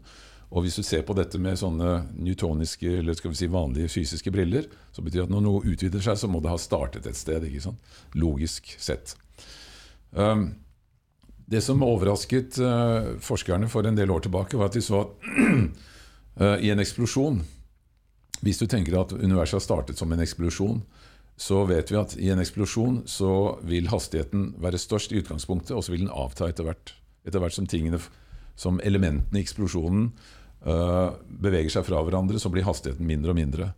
Det som er veldig rart i universet, at det er ja, så liksom Har du en bombe, så er den sterkest jo nærmere du er. den. Men jo lengre fragmentene fyker av gårde, så mister de Svakere blir den. Altså energien, og svakere blir den. Ja. ikke sant? Til slutt så detter de ned, liksom. I universet så skjer det motsatte. At uh, det ut, altså, Hastigheten stiger. Hastigheten øker, øker. øker etter hvert. Ikke sant? Yes. Og dette har jo vært eh, altså, voldt vitenskapsmenn enormt med hodebry. Hvordan i all, i all verden kan universet ikke bare utvide seg, men det utvider seg raskere og raskere. Det akselererer. Ok, Hvordan skal du forklare det fysisk? da? Hvis vi bruker altså, den kjente fysikken til Newton, uh, med tyngdekraft og altså, gravitasjon og elektromagnetisme og uh, osv., disse kjente fysiske kreftene Ok, da Eneste logiske forklaring er at det, uh, pga. gravitasjonskraften så må det være da en eller annen gravitasjonskraft der ute som gjør at det trekker dette til seg. ikke sant? Uh, og så har man da regnet ut at uh, den kraften må utgjøre omtrent 96 av, av Altså at det må være en materie. da. En materie som har en så stor gravitasjonskraft at den gjør at den trekker liksom tingene utover mot seg. ikke sant? Og den har man regnet ut at den må være ca. 96% av det fysiske som vi kan se i universet. Så må det være 60 5 av det som vi da har definert som mørk materie. Aldri noen som har sett det, aldri noen som har observert det, men man har regnet seg fram til, på basis av de fysiske lovene som vi har her på jorda, at sånn må det være. Ja, de har sett at ting går mer og mer fra hverandre, ja. og så har de prøvd å forstå hvorfor, ja. men de klarer ikke å måle det. Og de klarer ikke å se det. Ikke sant? De bare veit det skjer, og det er en energi. Ja, så, en kraft. Så, så, den eneste logiske forklaring, hvis du bruker vanlig eh, skal vi si, fysikk, er at det må være en kraft som trekker utover. En gravitasjonskraft representert ved en materie som ikke vi kan se. ikke sant? Vi kaller det for dark matter, eller mørk materie. Dark Samme med, med, energi. At vi ser at det er så mye energi i universet som ikke vi kan forklare. Da kaller vi det for mørk energi. Så det, for å få regnestykket til å gå opp, da, så har man innført disse begrepene mørk energi og mørk materie. Og da, da funker ligningene liksom med vår type vitenskap. Jeg så en sånn dokumentar om en dude inni et fjell som har i 30 år prøvd å finne dark matter. Men hvis du da ser på universet med helt andre øyne, med nye øyne, som veldig mange, fys mange fysikere okay, jeg, jeg, skal, jeg skal løpe på do før vi går dit. Okay. For nå nå klarer jeg ikke å holde meg lenger. Nei, du har en eh, slags indre gravitasjonskraft som propellerer deg i retning av eh, toalettet. Ja. Nå, nå, er du innpå noe. Ok. Yeah. Vi var på dark Vi var på dark matter, og, altså mørk energi og mørk materie. Så uh, igjen, hvis du bruker uh, skal vi si vanlig uh, fysikk, så er du nødt til å innføre disse begrepene mørk materie og mørk energi for å kunne få ligningen til å gå opp ved at universet ikke bare utvider seg, men også akselererer. Ikke sant? Uh, hvis du uh, går inn og bruker kvanteforståelser, uh, som da inkluderer altså disse kvantefluktasjonene, og som igjen da sporer oss inn og tar inn dette begrepet bevissthet, og at universet egentlig er en evig lærende kreativ prosess i seg selv, som, altså i, i, sin grunnleggende natur, så forklarer det på en veldig enkel måte hvorfor det utvider seg og går raskere og raskere. Fordi at hele tiden så, så er det altså en utveksling av informasjon i sånn feedback, i et evig feedback-system, og det vil hele tiden vokse. Altså vekst er et si, grunnleggende konsept i hele systemet. ikke sant? Og derfor så vokser universet raskere og raskere og raskere. Uh, men jeg har lyst til å eh, gå litt tilbake igjen til, eh, til utgangspunktet, det vi begynte å snakke om. Og Og- Prøv å tenke litt på det du sa. Fordi eh, Ikke sant, du har de, denne, de vanlige forskningene og teoriene som setter ord på det man ikke forstår i dag. Mm. At universet vokser. Og de ordene er dark energy og dark matter. Ja. Og så ser du på kvantefysikken, som har teorier som sier at det finnes en universell bevissthet. Eller en, en kraft. Altså, En kraft. som, eh, altså det finnes energi og informasjon Ja. som det grunnleggende i hele, i hele Altså i vakuum, da, eller i hele skal vi si, eksistensen.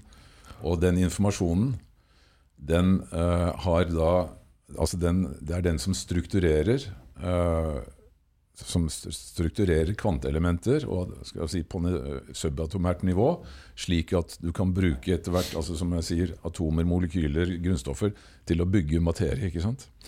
Men, men, eh, men det kan ikke skje ved, ved, gjennom rene tilfeldigheter. Eh, fordi at vi ser jo at naturen hele tiden, altså evolusjonen, strev, strever, strever hele tiden mot uh, samarbeid, mot uh, harmoni og mot skjønnhet. Altså Hvis du ser rundt deg i naturen, så er den full av samarbeid, harmoni og skjønnhet. Uh, samtidig som den er brutal. Ja, den er beinhard alle spiser hverandre for å overleve, ikke sant? det er greit nok. Men allikevel så er hele fremveksten av naturen altså, Den er helt mirakuløs, egentlig. Og det var det jeg tenkte vi, For å komme litt tilbake til utgangspunktet. Altså, Einstein sa det på den måten at du kan velge å se på eh, livet som noe helt uh, ordinært. Som vi aller fleste av oss gjør. ikke sant? Vi står opp om morgenen og å, skal på jobben i dag? Eh, altså, det er liksom en, livet er en veldig sånn ordinær greie, ofte litt uh, kjip, plagsom. Noen lyspunkter innimellom ikke sant, som gjør at du har lyst til å ta noen dager til. Uh, eller noen år til. Men så kan du også velge eh, den andre uh, alternativet, det å se på livet som noe spekt spektakulært, noe uh, mystisk, noe mi mirakuløst. Og hvis du velger det alternativet, så blir også livet ditt utrolig mye mer fascinerende og spennende å leve. Eh, Ja, for det er det man Nå er vi jo litt på det å leve som menneske, da. ja. Men det er jo det man burde på en måte prøve å tenke mer på og over. Disse tankene er jo ikke så lett å liksom ta innover seg og begynne å jobbe med oppi hodet. Nei, det er ikke det. Fordi at vi er på en måte så eh, innskolert eller indoktrinert i at livet er et evig pes for å overleve. ikke sant? For å skaffe tak over huet og mat på bordet og, og skal vi si, bringe slekta videre. Det har liksom vært det. Og når vi da har religioner som har eh, gitt oss regelverk og rammeverk som er veldig sånn materialistisk orientert, Eh, at eh, du, altså bare at du, Den ideen om at du er født syndig, og at du skal streve hele livet for å bevise at du egentlig er litt ålreit, sånn at du kan komme til himmelen og ikke til helvete. Altså, for en idé. Altså. Men dette har blitt trøkka ned i halsen på folk gjennom hundrevis av år, og har eh, gjort at eh, Ja. Jeg leste jo den uh, The Power of Now, ja. Eckhart Tolle nå, som for så vidt handler om å leve mer bevisst. ja. Leve mer i nuet. Mm. Og han sier at det er noe vi mennesker har i stor grad mista. Da.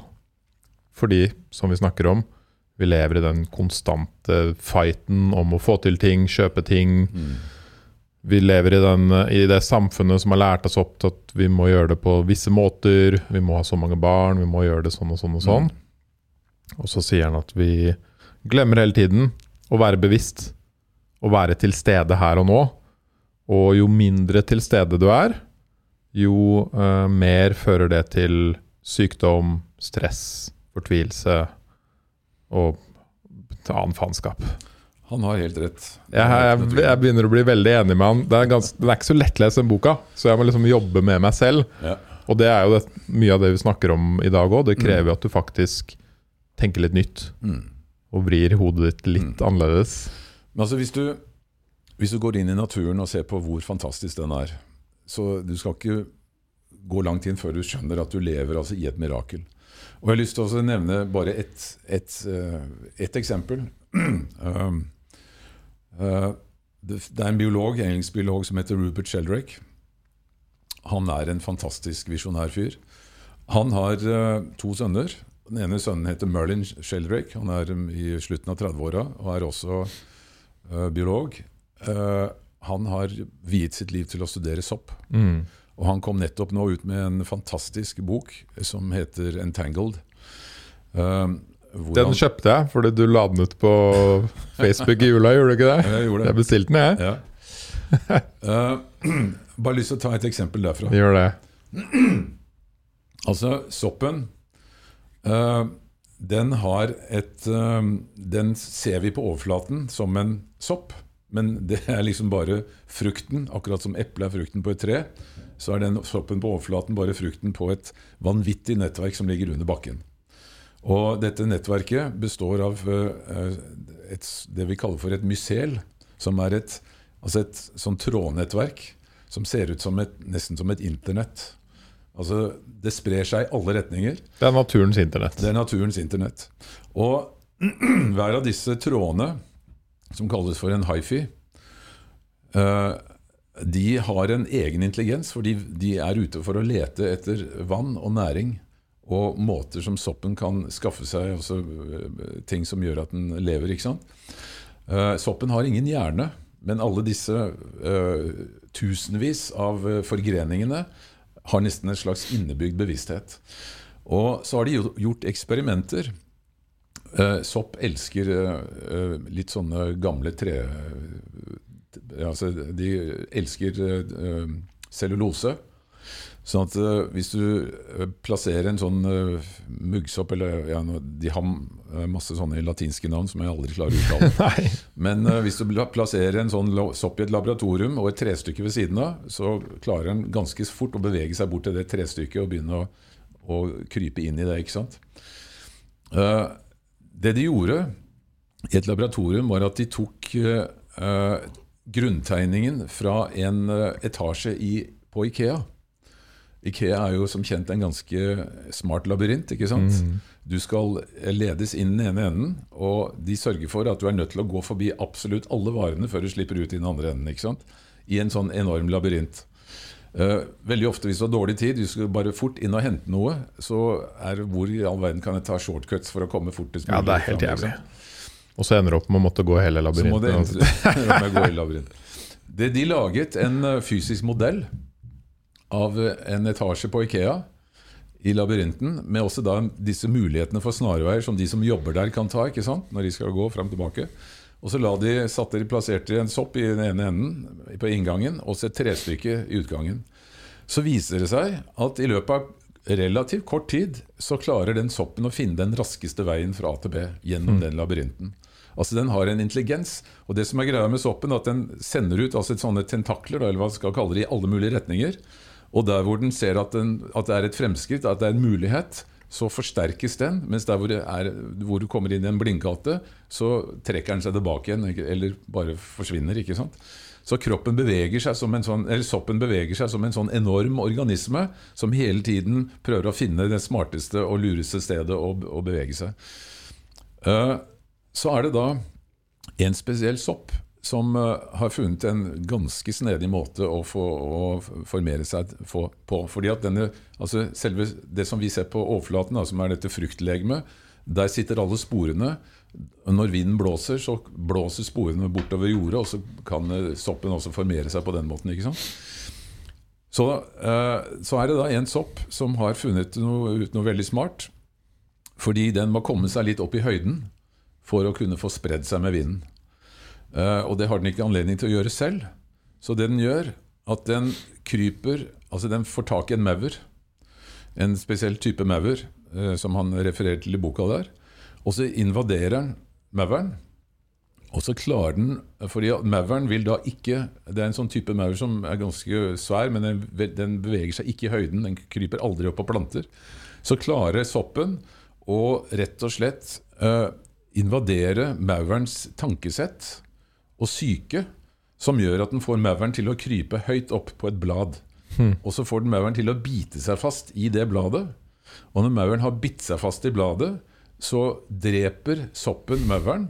Og så vokser det da en sopp opp av kroppen til mauren med sporer Så kommer vinden og blåser det ut, og så, og så, så formerer den seg.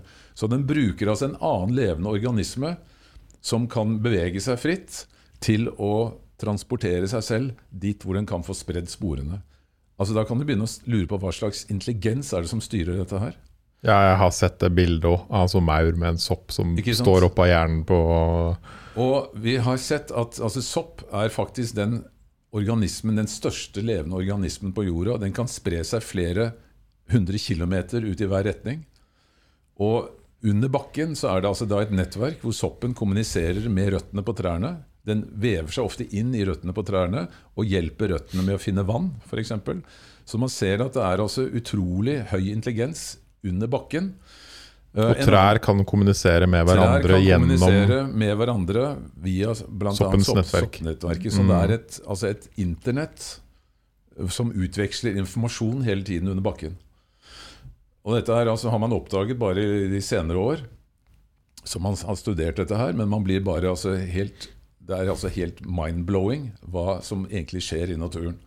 Og f.eks. denne trøffelsoppen, da, som da ikke har eh, en sopp oppå bakken som kan spre sporene. Den lager altså en trøffel, altså en klump under bakken, som ligger kanskje en halvmeter under bakken, og at, og som inneholder sporer. Men for at den skal kunne spre seg, så er den avhengig av at noen kommer og graver den opp og bringer den ut i friluft. Og så klarer den trøffelen å frembringe en lukt som er så sterk at den siver gjennom en halv meter med jord opp på overflaten, slik at en, en gris eller et villsvin eller en hund blir så fascinert av den lukten at den graver seg ned til trøffelen og spiser den, og bæsjer den ut igjen eh, litt seinere, og da sprer sporene seg. ikke sant? Altså, Og i tillegg, man kan jo legge på i tillegg av alt det her, at det finnes jo også psykedelisk sopp som mennesker tar, som åpner opp nye hjernekanaler, nye bevissthetsforståelser, eh, nye måter å tenke på. Eh, og det finnes jo teorier der ute om at det også har hjulpet oss mennesker å utvikle oss. ikke sant? Det er veldig rart at Eller veldig, ikke rart, veldig mystisk, fascinerende og, og inspirerende å vite det at det finnes noen typer shop der ute som på en måte nesten er designa for at menneskehjernen skal utvikle seg og forstå nye ting om livet. Ikke sant? Altså Sopp er et helt utrolig fascinerende tema. Eh, Jeg anbefaler sterkt den boka til Merlin Sheldrake. Eh, og altså, Vi vet jo at vikingene spiste fluesopp når de dro i krigen. Altså Da gikk de jo helt berserk ikke sant? og kappa huet av folk med, over en lav sko. Uten uh, antydning til uh, empati eller emosjon. ikke sant? Så det var helt til de fant fleinen, vet du. Da slutta de å krige. Det er det jeg tipper var greia. Nei, så, Men altså det igjen, poenget er det at eh, naturen er altså så fantastisk Ja. og mirakuløs. Når du begynner å studere det på i hvert fall ned på skal vi si, mikrobiologisk nivå, så blir du bare helt starstruck.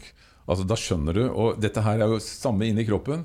Som nevnt i stad, altså vi består av over 50 000 milliarder celler som hele tiden, tiden lev, lever i, i harmoni. Og de lever altså i harmoni med et antall mikrober i form av både sopp, bakterier, virus og parasitter, som vi er helt avhengig av for at vi skal kunne fungere. Altså Hele tarmkanalen vår har i seg milliarder av bakterier og sopp for å kunne ekstrahere altså næringsstoffer som det kan sende ut i blodet og inn til cellene våre.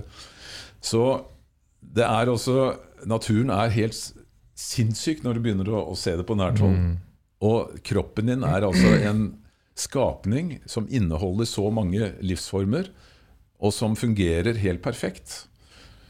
Uten at du behøver å skjenke inn en tanke. Det eneste du må gjøre, er å liksom putte litt fuel inn i kjeften av og til for å få maskineriet til å gå. ikke sant? Altså Du kan nesten sammenligne med at hvis du setter deg inn i en hypermoderne elektrisk bil, en Tesla eller en, øh, en øh, Tang eller en øh, ID, eller hva det nå heter for noe øh, Det eneste du må gjøre, er å holde i rattet og, og ha den ene foten på enten gasspedalen eller bremsen. Og hvordan den bilen er konstruert, hvordan den fungerer, hva som driver den, hvor strømmen kommer fra, hvordan den genereres. Bør ikke skjenke en tanke, men det er jo liksom bare inn der, og så kjører du. Kanskje er det sånn med skal vi si, vår, vår sjel at vi bare har fått muligheten til å innta denne kroppen som en sjåfør inntar en bil, For det er denne kroppen du trenger for å kunne bevege deg i denne fysiske verden, hvor du har fem sanser, fem fysiske sanser, og du har emosjoner, eh, du har et følelsesapparat osv. som er med på å styre hele din opplevelse av dette. ikke sant? Og du har en tankevirksomhet som kan reflektere og resonnere og eh, ta valg. Akkurat som du har de instrumentene du trenger, og, og den kroppen du trenger for å kunne manøvrere i denne fysiske virkeligheten, og være en representant for helheten og utforske virkeligheten akkurat sånn som du vil. Du er helt unik, samtidig som du er en del av en helhet.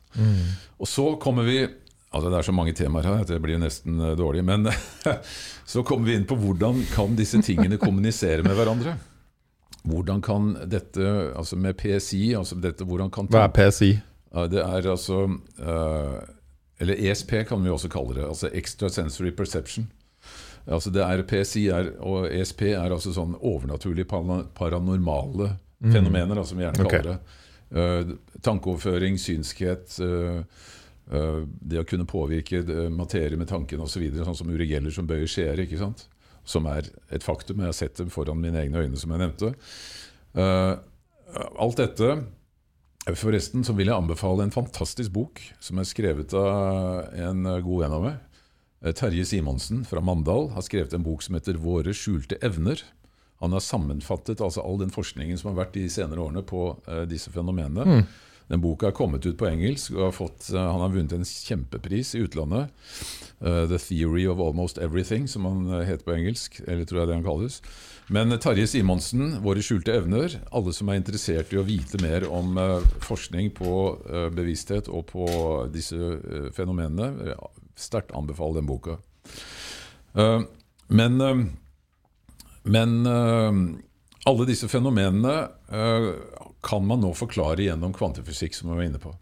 Og da, bare for å ta den korte eller den skal vi si, populære forklaringsmodellen Vi har et fenomen i fysikken som heter non-local entanglement. På norsk ikke-lokal sammenkobling. Og det er bevist gjennom et eksperiment som er gjort tusenvis av ganger.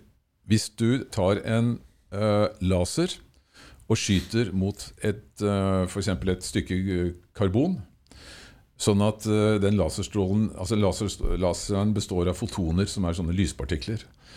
Og så Hvis du skyter det mot en, et prisme eller et, et stykke eh, altså sånn karbonmateriale, så vil det dele seg sånn at noen av de fotonene forsvinner ut til høyre, og noen forsvinner ut til venstre. Så du splitter laserstrålen? Du splitter laserstrålen på en måte, ikke sant?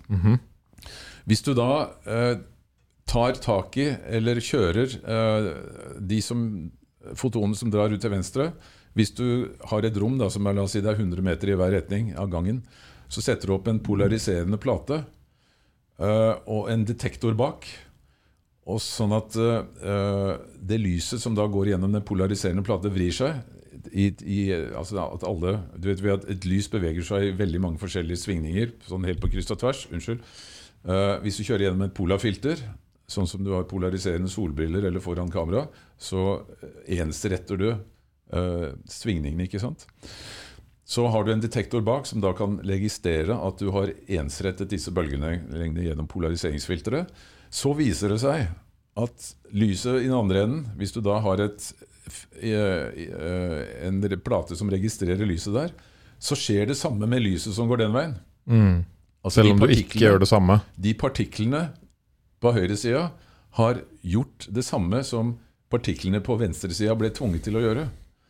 Så det betyr at det må være en slags sammenkobling mellom de partiklene, fordi at de har et felles opphav. Sånn at når det ene gjør, blir utsatt for en, en, en form for eh, påvirkning, så får du det samme resultatet der ute. Og dette er da dratt videre, og de har gjort disse eksperimentene over mange kilometers avstand. Eh, sånn at, og, øh, og så har de regnet på det, og så viser det seg at uansett hvor stor den avstanden er, altså om det er fra den ene siden av universet til den andre, så vil, altså på, eh, denne effekten da, med ikke-lokal sammenkobling, så vil partikler som i utgangspunktet har vært en enhet, alltid ha en slags referanse til hverandre. Og det skjer momentant, altså med, når avstanden er så stor at eh, du trenger en hastighet større enn lysets hastighet for å komme dit, derfra til dit, momentant så skjer det allikevel, så det overgår lyshastigheten. Og så kan man lure hvordan Så det er liksom Du splitter et partikkel, putter det på hver sin side av universet, og hvis du gjør noe med det ene, så vil det også skje med det andre. Yes. Enkel, Ja, enkelt og dette er et eksperiment som er så grundig dokumentert. Ja, det er, jeg har sett det mange ganger, jeg òg. Man kan google den. Ja, og så er spørsmålet hvordan kan dette skje? Hvordan kan vi ha kommunikasjon på tvers av universet Fortere enn lysets hastighet. altså millioner av ganger fortere enn lysets hastighet? Så har man da skjønt at uh, det er noe som heter wormholes, ormehull. Eh, det kan veldig enkelt forklares på denne måten. Hvis du tenker at- Ormehull, ting på norsk høres Ja, det høres helt idiotisk ut. Uh, hvis dette Hvis du tenker at du ser på universet, universet da, bare sånt, eh, tar et snitt av universet, så du får et plan, og så skal du reise fra den ene sida av arket Da holder jeg et papirark i hånda. Til den, altså fra det ene hjørnet av papirarket til det andre hjørnet. ikke sant? Altså I vår fysikk så må du da reise hele, hele avstanden over her, diagonalt. Og i, på, i universet så vil det ta temmelig lang tid. Men hvis du tar og bretter arket sammen, sånn at de to endene i, uh, fra den ene øh, altså møter hverandre, så blir jo avstanden lik null. Mhm. Og det er sånn man tenker seg at et ormehull, et wormhole, fungerer. Altså Det er rett og slett en, en snarvei ved at universet bretter seg sammen, på en måte. Sånn at du, eh, slik, slik at de to partiklene som egentlig splittet hverandre og ble sendt i hver sin retning, de er egentlig allikevel kobla sammen hele tiden. ikke sant? Og på den måten så tenker man da Nå begynner vi å nærme oss at ekte liv blir science fiction. Ikke sant? Yes. Og så tenker man at uh, hele universet er konstruert som en enorm samling av sånne ormehull, både i øh, store, aller største formater og i minste formater. Og man snakker også om black holes, altså sorte hull, hvor øh, ute i universet øh, det virker som det er så sterk gravitasjon. Altså Hvis du ser på dette spinnet igjen da, i en, i en galakse, så er det et senter ikke sant? hvor det bare er et sort hull. Det samme hvis du ser på et satellittbilde ovenifra av en orkan, så er det et sort hull i midten. Og Pga. dette spinnet så mener man at uh, gravitasjonskraften i senter av dette spinnet er så sterk at lys ikke kan slippe ut. Det kaller man for et sort hull. Nå har man oppdaget, i hvert fall visse fysikere mener at de har oppdaget dette, at sorte hull også finnes inni protonet. Altså at, hele, at denne, dette sorte hullet er da en, en, altså en, en grunnleggende eh, konstruksjon i, uh, i, uh, in, i det subatomære. Så det fins både på øh, makro- og mikronivå. Da. Yes. Og, uh, og disse sorte hullene er også da med på å gi opphav til disse såkalte ormehullene. Sånn at uh, informasjon altså Hvis man eh, ser igjen tilbake på dette med bevissthet, at bevissthet er også informasjon som, eh, som er i bevegelse, som transporteres, og som uttrykker seg gjennom energi, så må denne informasjonen kunne flyte på kryss og tvers overalt. Eh, og man mener da at eh, det skjer gjennom sånne ormehull. Og igjen, så for å ta dette enda et skritt videre, så snakker man da om at uh, universet i sin grunnleggende natur er holografisk. Fordi ethvert punkt i universet, ethvert hvert proton inni hvert eneste atom i hele universet, inneholder egentlig aksess til all informasjonen om alt annet i universet. Og Det er det holografiske prinsippet. Altså Hologrammet er, det- ble oppdaget på 60-tallet ved at man kunne lage en slags tredimensjonal fremstilling av et eh, bilde ved hjelp av en laserteknikk. Altså at Hvis du bruker en, las, en laser og en, og en sånn innretning med forskjellig speil, så kan du lage et tredimensjonalt bilde på en plate, på en fotografisk plate, som egentlig da er et inter, interferensmønster. Fordi du, altså du splitter laserstrålen i to, og så sender du den ene strålen rett mot objektet, som da reflekterer lys på en fotografisk plate. Og så sender du den andre uh, strålen direkte på fotoplata, sånn at den bruker litt kortere tid på å komme fram til den fotografiske Mm. plata. Men det er opprinnelig samme lyset. Så får du et interferensmønster der. Ikke sant? Og i det interferensmønsteret så lages da informasjonen om det objektet som du også har belyst med laseren. La oss si det er et eple. da, ikke sant? Når du da belyser denne fotografiske plata etterpå, etter at den er fremkalt, med en laser, så vil du se eplet som en tredimensjonal greie. Hvis du beveger hodet fra side til side, så vil du se dette. Vi kan se det på enkelte sånne postkort. Det har du sikkert sett. Sånn holografiske postkort. Hvor du faktisk ser tredimensjonalt ut. ikke sant? Jeg har et sånn holografisk bilde hjemme. Ikke sant? Det er du utrolig liksom fascinerende. går rundt det, så dukker det opp forskjellige uh, Ja. insekter og dyr og Ikke sant? Og du kan se Hvis det står en stolpe midt i bildet, hvis du beveger litt hodet, så kan du se hva som er bak stolpen. ikke sant? Men det ser du ikke når du står rett forfra. Det som også er en del av dette holografiske prinsippet, er at all informasjonen for at det skal fungere, ligger egentlig lagret i hver minste del. Så hvis du tar et, eh, et holografisk eh, bilde og kapper av en liten bit, og belyser det med samme type lys, så vil du også få det samme bildet. Bare litt dårligere oppløsning. Du kan kappe det i enda mindre biter, enda mindre biter. Det inneholder informasjon om helheten fordi det ligger i dette interferensmønsteret. ikke sant? Sånn mener man da at også universet er konstruert etter det holografiske prinsippet. At det finnes eh, en, en, altså, det finnes informasjon i hver eneste bestanddel, i hver eneste partikkel, som om, hel, om helheten. ikke sant? For å bruke et annet eksempel, da. Tenk deg at eh, Oslofjorden ligger helt som en speilblank eh, i, flate en søndagsmorgen. Ikke vært noe båttrafikk, ikke noe vind. Alt er bare et eneste speil. Så kommer en båt tøffende, og så lager den da en bølge, en sånn V-formet bølge. ikke sant? Hvis du har et litt avansert måleinstrument, så kan du eh, måle høyden på den bølgen. Og så kan du måle hastigheten som den beveger seg på. Og så kan du eh, regne deg fram til eh, hvor stor den båten er, hvor bred den er, hvor dypt den ligger i vannet, og hvilken hastighet den beveger seg med. Det forteller den bølgen om. ikke sant?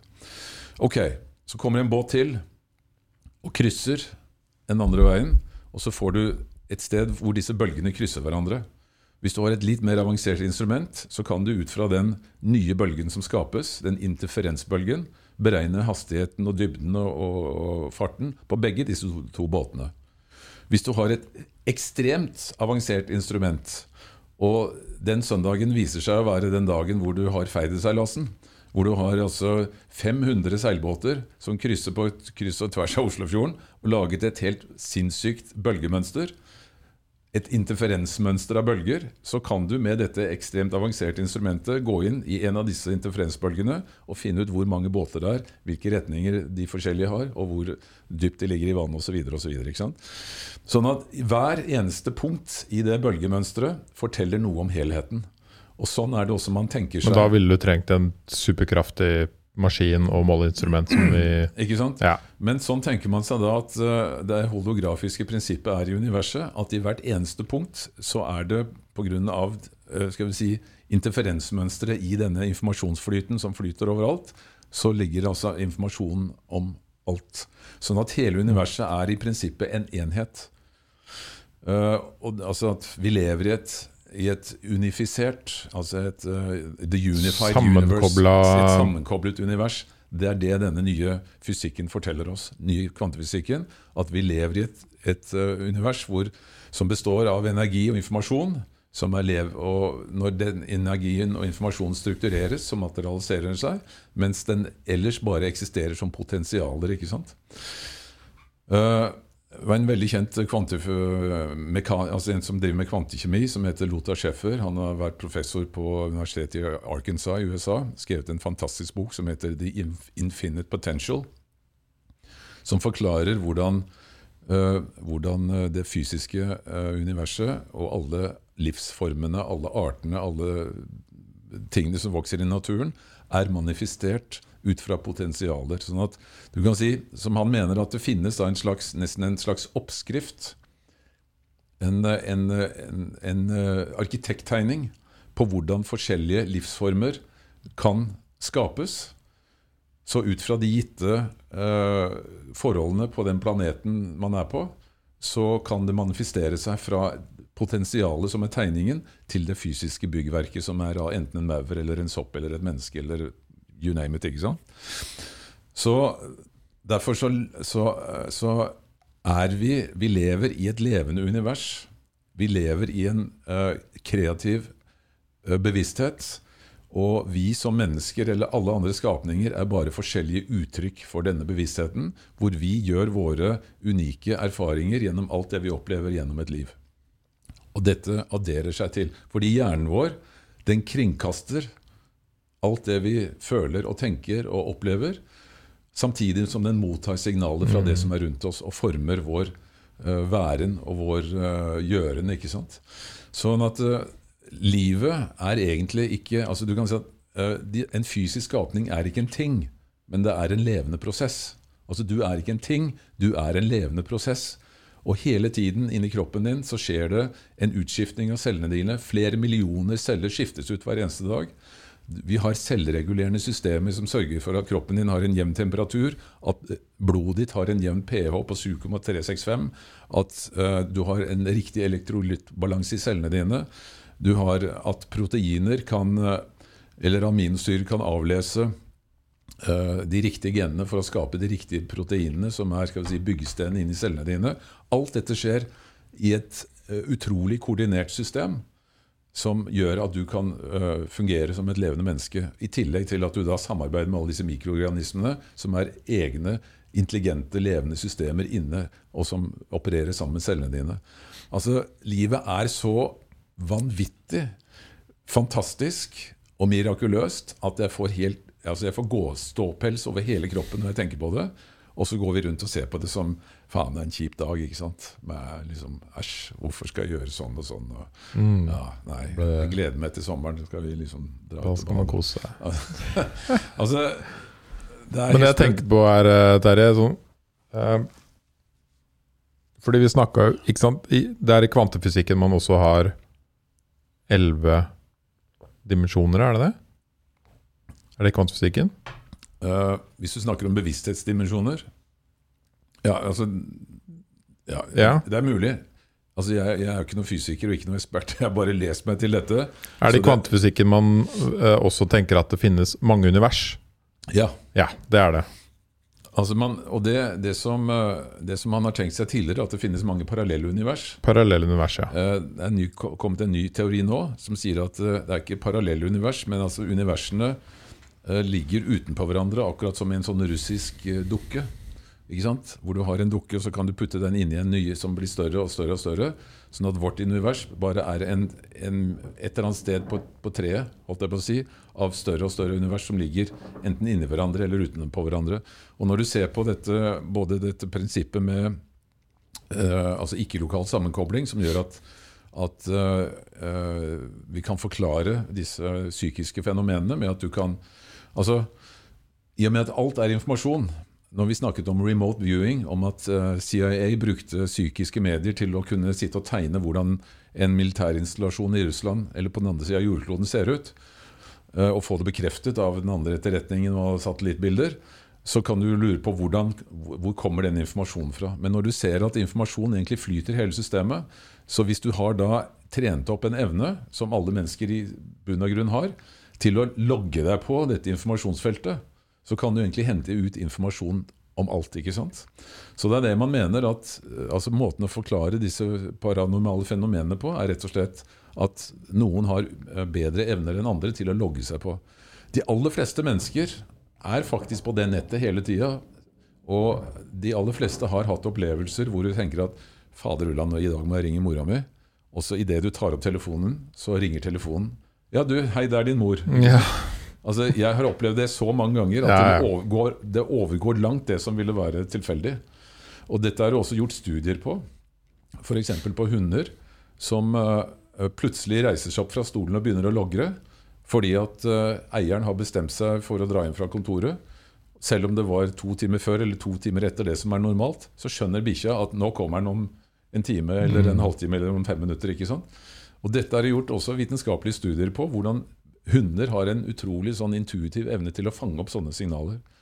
Og det er jo gjort uh, eksperimenter med folk som kan påvirke datamaskiner. Altså Hvis du har en sånn random uh, generator som spyr ut metall, altså helt sånn tilfeldig rekkefølge, og så setter du en menneske ved siden av en maskin og som sier 17, 17, 17, 17, så viser det seg at tallet 17 forekommer hyppigere enn det som ville være ren tilfeldighet. ikke sant?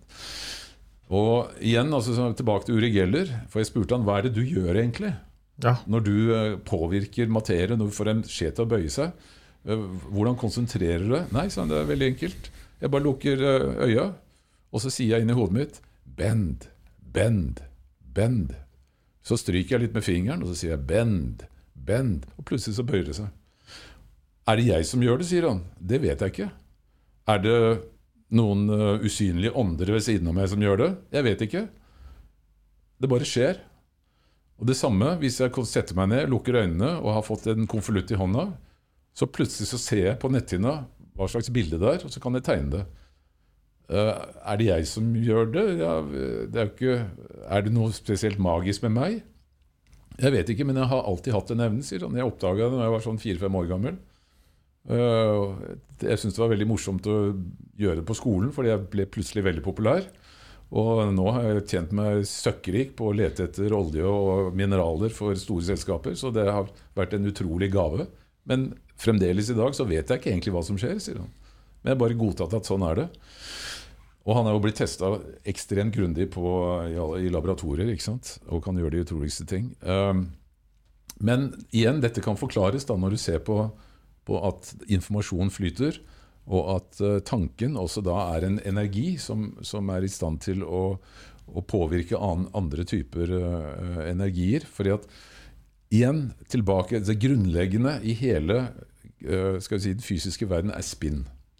Hvis vi stopper dette spinnet, hvis jeg stopper spinnet i alle dine atomer, så vil det som blir igjen av deg da, er no, noe som er så lite at jeg er nødt til å se Det blir som et lite sandkorn som jeg er nødt til å se på i mikroskop. Hvis jeg skal kunne i det hele tatt uh, se hva som er igjen. Hele meg. Hele deg. Ja, Sånn vil bare Fordufte. fordufte hvis spinnet i dine atomer skulle stoppe. Men du snakka jo om å klare etter hvert å kontrollere dette spinnet. Ja, altså Vil ikke vi på en måte bli en øh, allmektig gud til slutt, holdt jeg på å si? Hvis vi klarer å kontrollere denne Jo, altså universelle kraften som det, er jo styrer alt? Som er, eh, det er jo det som er, eh, som er det store, spennende vi står foran nå. At eh, altså, Vi er jo allerede i stand til å kontrollere visse deler av dette. ikke sant? Altså Du kan med tanken kontrollere energiene i kroppen din og i cellene dine. ikke sant? Det er du som bestemmer hvor du skal sette beina dine når du går. Og, og så videre. Så du har jo en viss evne til å kontrollere uh, dette spinnet som da er inni, som skaper atomene og cellene i kroppen din. ikke sant? Sånn at tanken din uh, er en utrolig kraft. Og da kan man jo tenke seg at uh, f.eks. kunstig intelligens uh, kan skapes slik at den eh, at den kan brukes til å kontrollere kraft. ikke sant? Eh, dette spinnet på atomært nivå. Nå, jo, nå gjøres det jo eksperimenter med å bruke kunstig intelligens til å eh, I eh, forskningen for eksempel, så bruker man nå kunstig intelligens til å prøve å tolke delfinenes språk. Altså Delfiner har et språk, det vet man. De eh, genererer lyder og kommuniserer med hverandre gjennom eh, lydbølger i vannet. ikke sant? Man har ikke klart å tyde språket fordi det er ekstremt komplisert i forhold til vårt språk. Men med hjelp av kunstig intelligens så mener man nå at det, man står rett foran et gjennombrudd hvor du kan klare å tolke språket til Det blir jo helt spinnvilt hvis du plutselig da- kan skjønne hva bikkja di sier. Tenk deg da, altså, tenk deg da hvordan vi kan bruke delfiner uh, til å lære oss å forstå om havet. Til å kunne utføre oppgaver, til å, å håper å si, lete etter fiskestimer eller oljefelt eller hva som helst. Når vi kan snakke med dem. Og ikke bare delfiner, men hvis vi kan da tolke språket til andre eh, altså i naturen. Mm. Altså Dette åpner helt sinnssyke muligheter. Og det samme hvis vi kan lære oss å kontrollere eh, disse kvantefluktuasjonene som da utgjør, uh, som skaper materien, på en sånn måte at vi kan kontrollere altså Vi har jo lært oss å kontrollere elektromagnetisk kraft, som er en del av som også skapt av disse kvantefluktasjonene. Man mener jo at det er to Altså Det er to hovedkrefter i naturen. Det ene er den elektromagnetiske kraften, og det andre er uh, gravitasjonskraften. Og så har man også noe som heter the strong force and the weak force på kvantnivå. Eh, men man mener igjen at dette er eh, også en del av disse to større definerte kreftene. Sånn at Tidligere så har man sett på de to, altså elektromagnetisme og gravitasjon som to veldig forskjellige ting. Men nå ser man også at det er egentlig bare forskjellige, altså ulike uttrykk for den samme bakenforliggende kraften.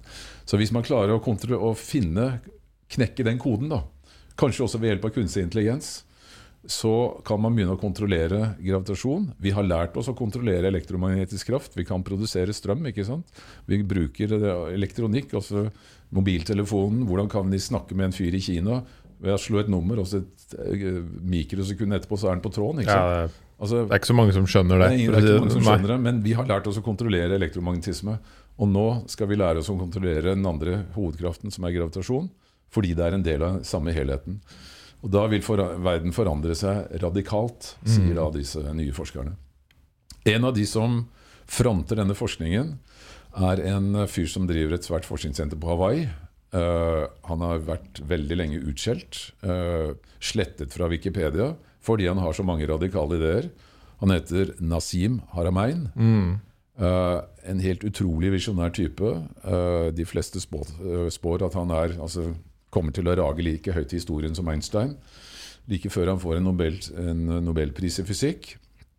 Men han uh, har laget en utrolig spennende serie som nå ligger på dette gaia.com. Uh, uh, hvor han forklarer alle disse tingene gjennom en serie med tolv halvtimer. jeg har og sett på den serien nå i siste uka, og jeg er bare helt blåst av banen. han er ekstremt visjonær. Han har veldig lenge blitt utskjelt fordi han ikke har en vanlig utdannelse som de fleste fysikere har. Han, har, han startet med å tenke seg til tenk på, på egen hånd. Uh, og har selvfølgelig da studert fysikk, uh, men på en veldig utradisjonell måte. Og det har vært hans fordel, sier han, fordi han er ikke låst i de si, dogmatiske oppfatningene som har preget veldig mye av vår vitenskap. Uh, det er klart Når du går inn på en skole, så skal du lære alt det som folk har tenkt, tenkt ut før, og så skal du bygge videre på det. Eh, det er ikke så stort rom for å stille spørsmål. Hvis du går en, for en annen innfallsvinkel, mm. så står du mye friere. ikke sant? Han er en av de skal vi si, fritenkende vitenskapsfolkene som, eh, som er i ferd med å, å, å, skape en revolusjon innenfor forståelsen av veldig mye av kvantemekanikken. Utrolig spennende fyr. Nasim Haramein.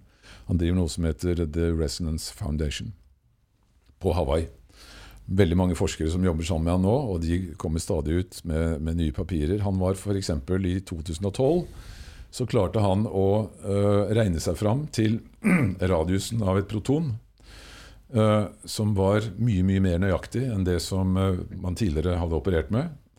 og det, Året etterpå så ble, gjorde man et forsøk med denne akseleratoren i CERN, hvor man skulle beregne samme radiusen gjennom et fysisk forsøk. Så viste det seg at de kom til samme resultatet som han hadde regnet seg til et år tidligere.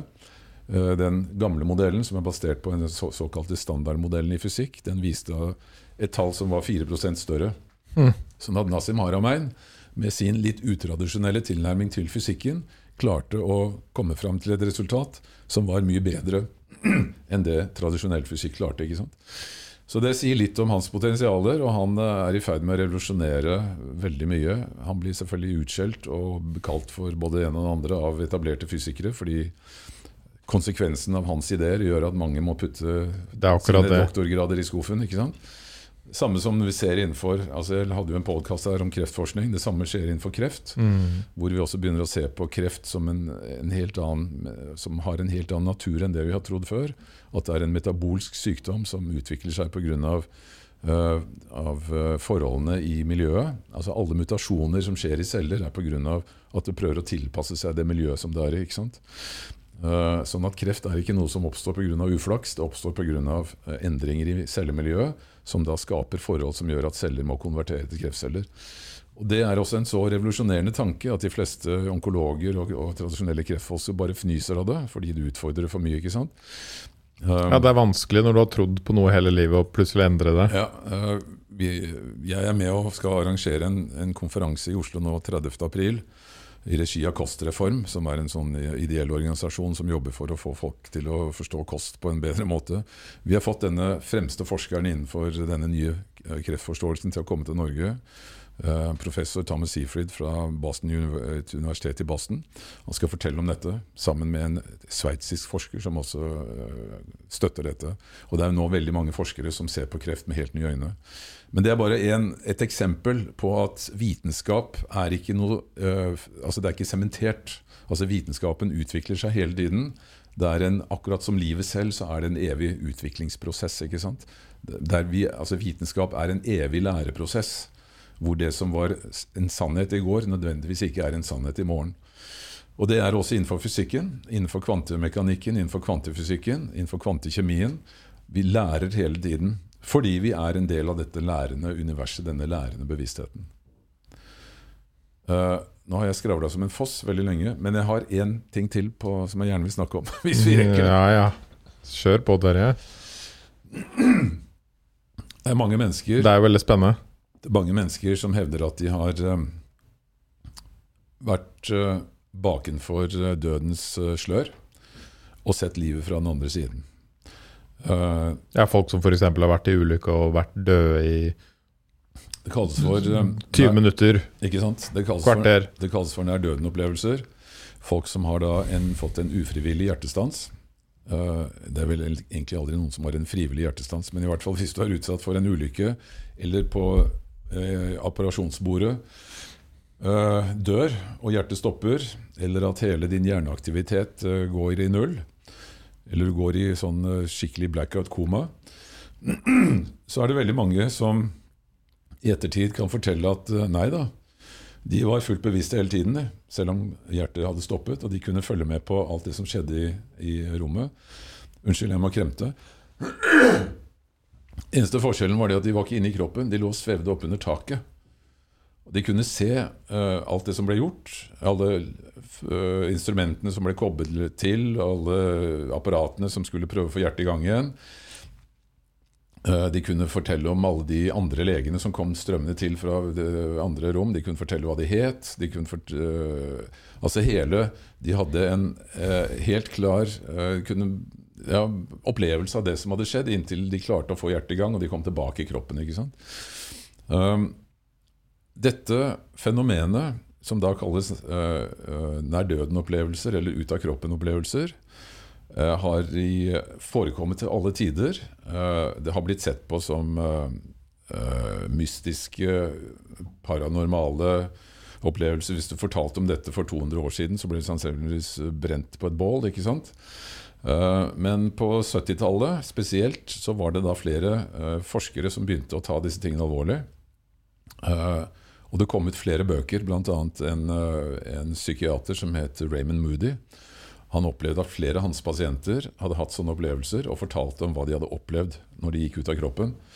Og han sa at hadde alle de opplevelsene vært veldig forskjellig karakter, så hadde jeg skjønt at det var drømmer eller fabuleringer. Men det var så ekstremt mange likhetspunkter i de opplevelsene. De fortalte om akkurat de samme tingene. Altså De fortalte at eh, de gikk ut av kroppen, og så følte de at de kom gjennom en sånn lang tunnel. Eh, og mens de passerte gjennom den tunnelen, så kunne de se hele livet i eh, en revy, akkurat som de så en film. En veldig rask film. ikke sant? Og de kunne føle alle de tingene som de hadde følt. De kunne føle følelsene til de menneskene som de hadde vært i berøring med. Hvis de hadde gjort vondt mot noen, så kunne de oppleve følelsene til den personen. Eller hvis de hadde gjort noe godt mot noen, så kunne de oppleve følelsen til den personen. Sånn at de fikk på en måte en slags feedback på alt det de hadde vært gjennom hele livet mens de passerte gjennom den tunnelen, og så kommer de ut i et vanvittig lys som utstråler en helt utrolig kjærlighet. Og så møter de slektninger. Mor og far, bestefar, bestemor, bikkja som døde for ti år siden, osv., som står der og logrer, ikke sant? og som forteller at eh, nå har du et valg. Enten så må du bli med oss, eller komme videre. Og da må du passere en grense hvor du ikke kan komme tilbake. Eller så kan du velge å gå tilbake igjen fordi at kroppen din kan repareres. Og de fleste som, Alle som forteller om dette, da valgte da det siste. Eller de ble nærmest overtalt til å gå tilbake og kommer inn i kroppen og kan fortelle om det. Eh, Vi vet, De som valgte å ikke gjøre det, de døde jo, så der har vi ikke noe særlig beretning. Dårlig med data. Dårlig med data. Men altså, sånn som man sier i vitenskapen, at eh, hvis du skal drive med vitenskap, så er du nødt til å være helt åpen, og så må du gå dit dataene tar deg. Ikke sant? Uh, legge alle altså, fabuleringer og fantasier og spekulasjoner til side, så må du gå etter dataene. Og dataene i disse beretningene, som nå er samlet inn uh, fra hundretusener av sånne opplevelser over hele kloden, og som da er vært gjenstand for massive forskningsprosjekter. I dag så er det en svær organisasjon som heter Near Death, uh, Near Death Research Foundation fra USA, som, som, styrer mye av denne forskningen. Det er kommet ut uh, Jeg har i hvert fall selv et titalls bøker om dette. Raymond Moody kom ut med sin første bok. Harald Schjelderup, uh, norsk en, altså, naturmedisiner kommet med en egen bok i 1984 tror jeg det var, om dette. Og Det er kommet ut en serie med bøker som forteller dette. Anita Mojani, Eben Alexander, denne kjente uh, hjerneforskeren som døde, eller skal vi si, fikk hjernehinnebetennelse og var, lå i koma i ti dager, fortalte om en fantastisk reise i en annen verden, hvor han traff igjen sin avdøde søster osv. Uh, Altså Det er så ekstremt mange beretninger om dette at uh, de som forsker på det Bl.a. Annet så har det vært et svært prosjekt hvor det har vært altså sykehus, universitetssykehus i Nederland, England og USA som har forsket på dette. Og De sier at de 18% i snitt av uh, tilfeller hvor folk har hatt altså total blackout i form av hjertestans eller hjernedød på operasjonsbordet, så er det 18% av de kan fortelle om disse opplevelsene. Hmm. Og de opplevelsene er veldig parallelle. Og en, blant annet en engelsk forsker som het Peter Fenwick, eh, også psykiater, har brukt hele livet sitt til å forske på dette. Og Han sier at det er også helt utrolig hvor like disse er. At du går gjennom den tunnelen, får livet passert i revy, møter en, en utrolig sånn kjærlighetslys. Du møter dine slektninger, du ser en fantastisk hage med blomster, du hører en himmelsk musikk. altså det er Det er utrolig deilig, og du, kommer, du føler at du kommer hjem at den der opplevelsen i menneskekroppen egentlig har bare vært en, sånn, nesten en sydentur, hvor du har vært ute i en spennende temapark for å utforske ting, og så kommer du hjem med alle mm. erfaringene dine. ikke sant?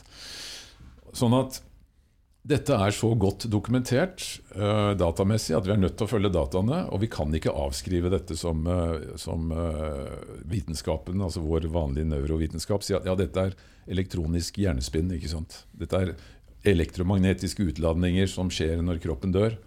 Eh, det er det inni hjernen, så det er det vi kan forklare det med. Uh, like lite som vitenskapen kan forklare bevissthet, like lite som vitenskapen kan forklare drømmer og tanker, hvor kommer det fra, like lite kan den vitenskapen forklare disse opplevelsene her. ikke sant? Sånn at dette bekrefter igjen at virkeligheten er utrolig mye større enn det vi i vår fysiske dagligdag aner. Den er mye mer mystisk. Vi burde bruke mye mer av livet vårt til å undres og fundere, og ikke minst glede oss og prise oss lykkelige over at vi får lov til å være med på denne opplevelsen, fordi vi sannsynligvis lever i en temapark som er konstruert av oss selv som en del av denne store enheten for å gjøre unike opplevelser. Og gjennom emosjonene altså Hver gang du møter noe, hver gang du tenker, så fremkaller det emosjoner eh, i kroppen din. Hver gang du opplever noe traumatisk, så får du voldsomme uh, reaksjoner i kroppen din. Sånn at altså Sanseapparatet i hele kroppen din er som en kjempesvær antenne som tar inn alt dette og prosesserer det og sender det ut i den store eteren. ikke sant? Uh, Sånn at disse kroppene våre er opplevelsesmaskiner i en opplevelsespark, hvor du samler data som en og plasserer, altså Kroppen er på en måte en slags hub som da kan kringkaste dette videre inn i et ekstremt stort informasjonsnettverk. Altså et, nesten et slags mentalt internett som omfatter hele universet. Alle livsformer i universet. All tenkelig materie. Og det er også et Ja, det er alt sammen Hvis du skal bruke ett eneste ord på det, så er det bevissthet. Mm. Og når du begynner å se verden på den måten der, så for det første så har ikke jeg lyst til å daue med det første. Og så tenker jeg på all den tida jeg kasta bort ved å bekymre meg over helt vanvittig uvesentlige ting. Istedenfor at jeg har vært der ute og utforsket og sugd inn hvert eneste sekund av dette vanvittige, fantastiske livet som vi lever i. ikke sant? Hva er det du anbefaler å gjøre til uh, den yngre garde som Lever et stressa liv og løper rundt. Hele Ja. tiden løper etter gulroten. Ikke sant? Uh, ok, altså det er kanskje også en måte å oppleve livet på. Altså Hvis eh, fortune and fame er uh, det du søker etter, så er det én versjon. Ikke bare det jeg tenker på, da, men det at man Ikke, ikke nødvendigvis fortune and fame, men bare det som vi snakka om, at man kanskje lev, lever litt for rutinepreget Preget. Ja. og litt for programmert inn i hvordan Altså Det er egentlig bare å bruke sanseapparatet eh, til det som det egentlig er ment for. Og ta inn altså hvis du, Idet du går ut døra, bare kjenn på lukten utenfor. Kjenn på luften. Kjenn på temperaturen. Se på den eh, busken som eh, står ute ved postkassa, hvordan den forandrer seg fra i går. Se på snøen som daler ned. Se på alle krystallene som er Alle krystallene er forskjellige. ikke sant? Det fins ikke to like snøkrystaller. Kan du begynne å undres øh, Hvordan kan det skje, liksom? Altså, det å undres, det å ta inn og undres, gjør at livet blir magisk. Uh, I hvert eneste øyeblikk. Uh, altså, bare det å sette et barn til verden ikke sant? Altså, det er de som sier at nei, det å lage unger det er veldig oppskutt. Det er gjort på fem minutter. Det, er ikke noe problem. Uh, ikke sant? Uh, men altså livets prosess, altså hele skapelsesprosessen, hvordan utvikler et menneskefoster seg? Hvordan vet cellene, som da skal dele seg hele tiden, hvor de skal plassere seg? Hvordan vet en celle i tå at den skal oppføre seg som en tåcelle, og ikke en levercelle? Altså, alle, du kan, altså Når du begynner å undres over sånne ting, så blir du bare helt fjetret. Jeg vet ikke hva slags uttrykk jeg skal bruke, men altså, livet er helt sinnssykt magisk. mm. Det er det. Ja, Det burde man tenke mer det på. burde man tenke mer over. Og vi har jo snakka om bevissthet i dag. Ja. Og da handler det jo om å prøve å være litt bevisst i livet, da. Ja. Det handler om å være bevisst i livet. Mm. Og så har du dette, også dette helt sinnssyke fenomenet med tid. ikke sant? Mm. Altså, Hva er tid, eller hva er nå? Uh, ja, Det har jeg lyst til å si noe om helt til slutt. Fordi hvis du ser på tid da, som en lineær greie, og så sier du at uh, du har på den ene siden av altså Hvis du sier at nå er liksom et punkt i midten, det er der vi er akkurat nå, Yes. mens det som ligger på den ene sida, det er det som ikke er lenger. Og det som ligger på den andre sida, er det som ikke har blitt til allerede. Sånn at vi nå er liksom skillepunktet mellom det som ikke er, eller det som har vært, og det som kommer. Ikke sant? Uh, og så kan du si hvor langt er da dette nået? Som skiller det som ikke er, og det som kommer? Er det liksom en time langt? Altså Er dette nå en time langt? Er det dagen som er nå? Er det en time? Er det et minutt? Er det et sekund? Er det et nanosekund? Er det et planksekund, holdt jeg på å si? Altså Du kan dele det mindre og mindre og mindre og mindre og mindre, og mindre, mindre helt ned til uendelighet, men fremdeles så vil det være en grense mellom det som har vært, og det som ikke har vært enda, ikke sant? Og da kan du begynne sånn Hva er egentlig da nå? Så det du ender opp med å si at kanskje ikke nå finnes i det hele tatt, men allikevel, eller kanskje vi rett og slett lever i et evig nå. Og da kommer du inn på noe spennende. For hvis du tenker deg da at øh, bevisstheten din, altså jeget ditt, som er det som observerer og reflekterer, egentlig lever i et evig nå, så betyr det at materien rundt deg altså den preges da av denne rom-tid-konstanten som gjør at tiden på en måte flyter igjennom. Akkurat som en elv. ikke sant? Du kan Tenk deg at du står ved, ved, ved siden av en elv. Se på elven som tid, så flyter den forbi. ikke sant? Kanskje det er sånn tiden er, at den på en måte flyter gjennom den eh, materielle verden, mens du er en observatør. ikke sant? Og så ser du at kroppen din, fra du er barn, så blir den større og større og større, og større, til du er sånn 25-30 år, og så begynner den sakte, men sikkert å, å bli rynkete og krokete, og etter hvert så smuldrer den helt opp, og så funker den ikke lenger. ikke sant? Mens bevisstheten din, den følger nødvendigvis ikke den utviklingen. Nei. Kanskje bevisstheten din, jeget ditt, er akkurat nøyaktig det samme fra din fødselsdag, fra du kommer ut av mors liv til du går i grava, og kanskje den er det til og med fra før du kom inn i mors liv, og til også etter at du kom i, kroppen din kom i grava. ikke sant? Kanskje bevisstheten din er tidløs. Det er jo et av de temaene vi tar opp i denne filmen. Fordi det er veldig mange som føler at eh, Altså, jeg føler det sjøl. Jeg er to, snart 72 år. Du er tenker jeg- 72. Ja. Du holder deg bra. Takk skal du ha. Det er Ja. hyggelig å si. Men uh, jeg ser jo meg sjøl i speilet. Hver gang jeg går forbi speilet, sier jeg 'hei, far'. jeg tror det er faren min. Han så sånn ut da han var gammel. liksom. Altså Inni meg så er ikke jeg mer enn maks 35. Altså Jeg føler meg ikke sånn. Jeg føler meg helt identisk inni meg som jeg var når jeg var altså sånn i 30-åra. Jeg har lært mye mer. Jeg har gjort Så bevisstheten din Bevisstheten er den samme som når du var jeg mener 30? at, Og den er akkurat den samme som jeg satt på en sånn eh, gravemaskin i sandkassa når jeg var fem år gammel. Mm. Eller når jeg sto på brygga og fiska krabber når jeg var syv år gammel. Eller når jeg satt eh, og feira 50-årsdagen min eller 60-årsdagen min. Jeg er akkurat den samme personen eh, med den samme bevisstheten. Bare det at jeg ser at ting rundt meg forandrer seg. ikke sant? Og Hvis du spør eldre mennesker eh, de, hva, hvordan er de når de drømmer om natta, hvem er de da? liksom? Hvor gamle er de da? Så vil de aller fleste si at nei, når jeg tenker meg om i drømmene mine, ja, jeg er kanskje ikke mer enn sånn 25-30. Nei, er- det visste jeg ikke. jeg er, jeg, det er veldig sjelden at jeg drømmer at jeg er den der gamle gubben med hvitt hår som sitter her på omsorgssenteret. ikke sant?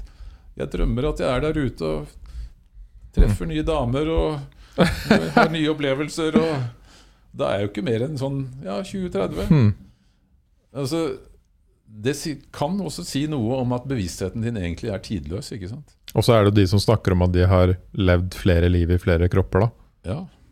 Og det er jo også da dette reinkarnasjonsprinsippet, da, som, eh, som er um, ve ve veldig populært, i hvert fall i Østens kulturer.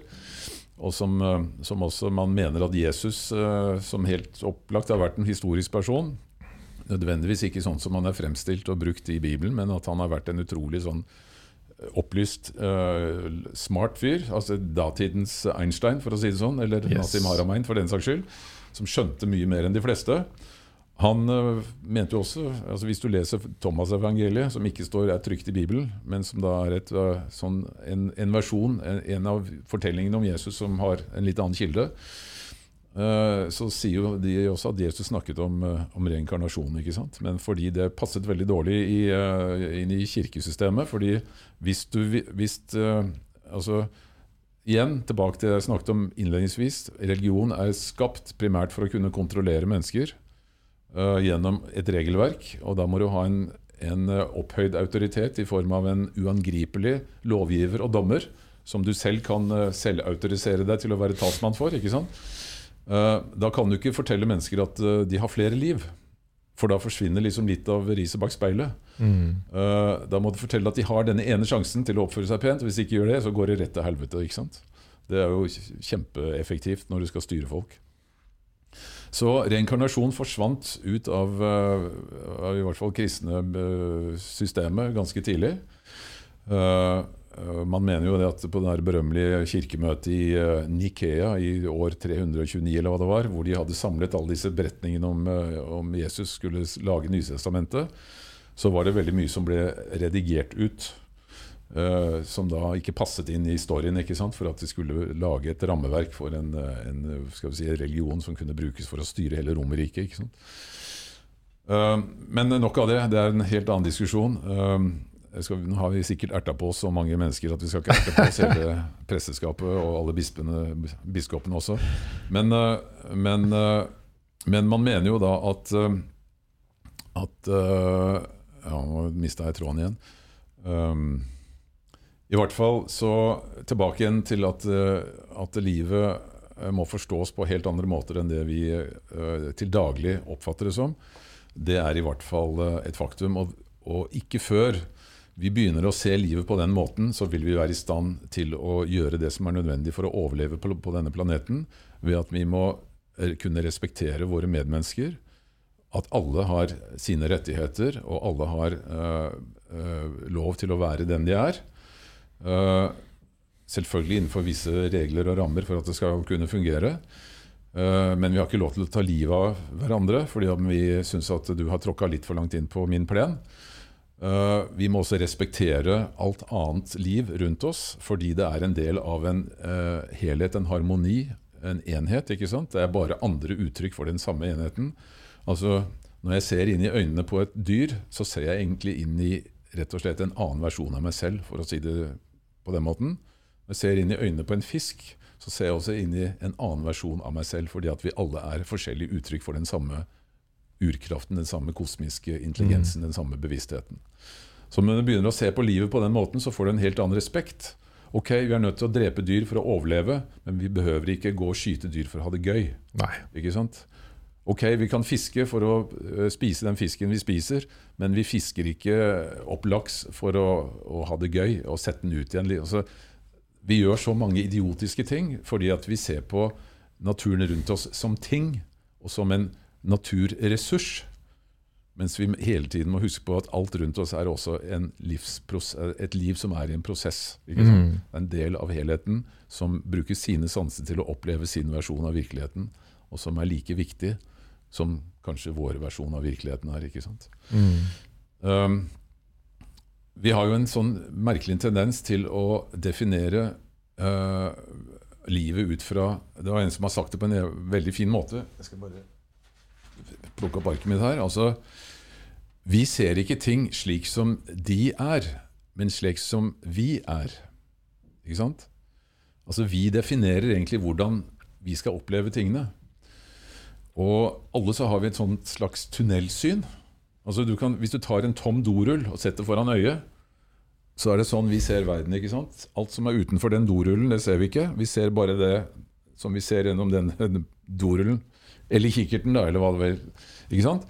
Sånn at uh, vi definerer egentlig hvordan vi vil at verden skal, opple skal oppleves. Uh, når jeg ser på deg, så ser jeg helt opplagt på deg med helt andre øyne enn det kjæresten din ser på deg på. ikke? Mm. For meg så er du et objekt. En fyr jeg møtte nettopp. Uh, ser sympatisk ut, hyggelig. Men altså, jeg, jeg kjenner jo ikke dine indre kvaliteter, sånn som hun du bor sammen med, gjør. ikke sant? Jeg ser på, det, på deg gjennom mitt tunnelsyn. Og Hvis jeg syns at du har litt for stor bart eller øh, litt for skumle øyne, så forteller altså, Eller motsatt. Ja, ja, du skjønner hva jeg mener. Sånn at vi definerer jo verden ut fra vår eget ståsted hele tiden ikke sant? og forholder oss til verden. Men det gjør oss også unike. da. Det gjør også at opplevelsen min blir helt unik i forhold til din opplevelse. Hvis vi alle så med de samme øynene, så ville det jo egentlig være veldig lite data, nye data som kunne samles. Men fordi vi ser det så forskjellig, så samler vi hele tiden ulike data som forsyner denne helheten hele tiden. Ja. Øh, Ulike tanker, ulike teorier. Men det gjør jo også at man lettere kan på en måte dømme ting og, og bruke sin unikhet på feil måte. Ja, ikke sant? Men uh, samtidig som verden er også mirakuløs, fantastisk, så er den også veldig brutal. Veldig. Uh, det er en sånn uh, litt eh, morsom historie som sa det at eh, da Gud hadde skapt verden på den syvende dagen, så gjensto det bare én ting, og det var å, å spekulere ut hvordan man skulle sørge for at alle fikk de næringsstoffene de trengte. Altså hvordan alle fikk mat. Og da var det en liten sort eh, engel som kom og hvisket Gud noe i øret. Som sa det at eh, La dem spise hverandre! ikke sant? La dem spise hverandre. Dermed så hadde man skapt det perfekte perpetuum mobile. Mm. Kunne spise hverandre i en næringskjede, og dermed så kunne alle få den maten de trengte hele tiden. ikke sant? Um, og når eh, kroppene våre dør, så kommer soppen og spiser opp kroppen og omdanner den til nye næringsstoffer som kan bli til nye livsformer. ikke sant? Så det er jo et fantastisk perpetuum mobile system vi lever i, men det er veldig brutalt. Ja. Du må bruke alle sansene dine på en utrolig klok måte for å klare å overleve i 100 år. Eh, har, hver eneste dag har du en mulighet til, å, til at det står plutselig 'game over'. Hvis du ikke passer deg for den trikken når du skal krysse gata, eller eh, du ser eh, for mye på mobiltelefonen mens du er ute og kjører i 100 km i timen, så er plutselig game over før du aner ordet av det. ikke sant? Så livet er brutalt, og vi spiser dyr, og dyr spiser hverandre, og vi spiser planter, og planter spiser hverandre, og sopp spiser planter, og ja. Ikke sant? Brutalt det- og vakkert. Det er brutalt samtidig som det er utrolig eh, vakkert Mm. og helt fantastisk konstruert. Og dette kan vi snakke om i timevis.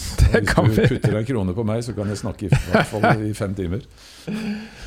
Men det var jo Det sier jo litt da om hvorfor de kaller også bevissthet på en måte the hard problem, eller det The hard problem in science. Ikke sant? Mm. Det vanskelige å, å, å svare på. Det som også er interessant med det, er jo at Er jo hvordan Jeg så en sånn diskusjon, husker ikke hvem det var med, men det var to stykker fra Harvard, hjerneforskere, og så var det en indisk guru. Ja. Og så spurte de om bevissthet. Og de vestlige forskerne prøvde å beskrive bevissthet fra veldig sånn eh, spisst forsknings eh, Fra sine spisse forskningsområder. Vi prøver å måle det i akkurat den delen av hjernen på akkurat den måten. Begge de hadde hver sin måte å si det på. ikke sant? Mens han indiske guruen, han snakka jo om bevissthet på en større måte. Mm. Sånn som vi har snakka i dag, Mm. som du har snakka om. Om at det finnes univers, og at det er en kraft, og osv. Og de Harvard-forskerne ble jo sittende med hakeslepp. ikke sant? Mm. De bare vi, vi, vi klarer ikke å snakke sånn om det.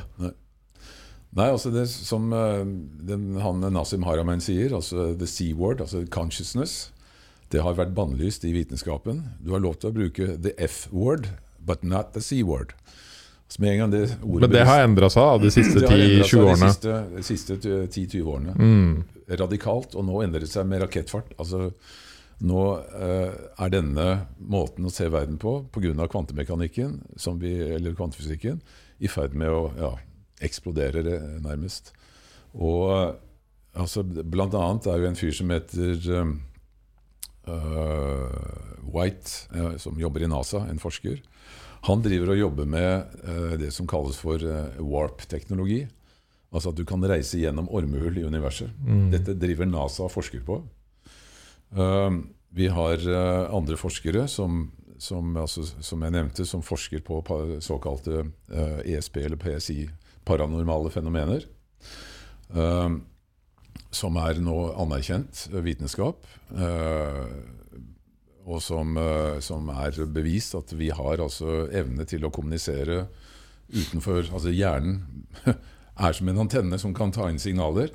Og kvantefysikken vår kan fortelle hvordan det skjer da gjennom sånne såkalte wormholes. ikke sant? At det er sånne shortcuts som du har, hvor du kan plukke opp informasjon. Fordi all informasjon om alt befinner seg i et kjempestort skal vi si, kosmisk internett. Et felt, et eh, tankefelt eller en bevissthetsfelt. Og Hvis du klarer å koble deg på dette feltet, så kan du hente inn informasjon om alt det som har skjedd, om all verdens kunnskap, om hva som skjer overalt til enhver tid. ikke sant? Men du må ha en mulighet til å prosessere det. da.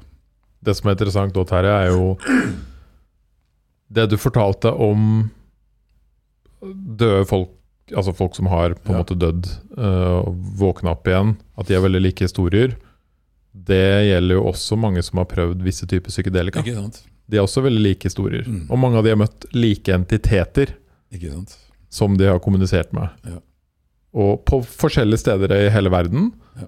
Og opp gjennom tidene, men alle beskriver liksom ganske like entiteter og Mm. samtaler og opplevelser. Da. Ja. Og da snakker de om det samme, at man på en måte har på en måte åpna opp uh, satellitten i hjernen. Mm. Åpna opp bevissthets... Ja. Eller åpna opp en annen kraft og tappa inn til noen andre signaler. Da. Altså Man mener jo det at uh, Når jeg sier 'mann mener', det er et veldig sånn dumt uttrykk. Men Uh, både indisk uh, filosofi, indisk uh, skal vi si gammel, ur, urgammel visdom, og også da den nye fysikken, hevder at uh, hjernen som sagt er en transmitter, både en antenne og en sender, samtidig som den er et filter. Uh, for at du skal kunne fungere i denne kroppen, i denne tredimensjonale fysiske verden, så er du nødt til å være utstyrt med en viss del verktøy, men du trenger ikke hele verktøyskuffen, eh, hele verktøykassa. Hvis du skulle gå rundt og ta inn alt det som er av tilgjengelig informasjon rundt deg hele tiden, så vil du bli fullstendig sprø. Eh, Vi har flere nok tanker i hodet som vi har, som dukker opp og popper opp fra det store intet hele tiden. Vi hører stemmer inn i hodene våre av og til. ikke sant? Eh, Alt dette her vi, eh, må liksom være på et nivå som vi klarer å kontrollere, og som vi klarer å fordøye og leve med uten at vi blir gærne. Noen mennesker blir gærne av det ikke sant? når de hører altfor mange stemmer. Eh, men det, derfor sier man at hjernen også er et slags filter, da, som hold, stenger ute det som vi egentlig ikke trenger, men som uh, gir deg den informasjonen du trenger. Altså, du trenger en viss form for intuisjon.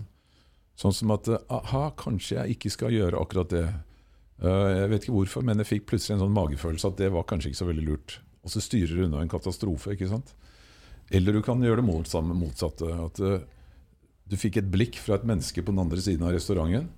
Og det var et eller annet med det blikket som var utrolig fascinerende.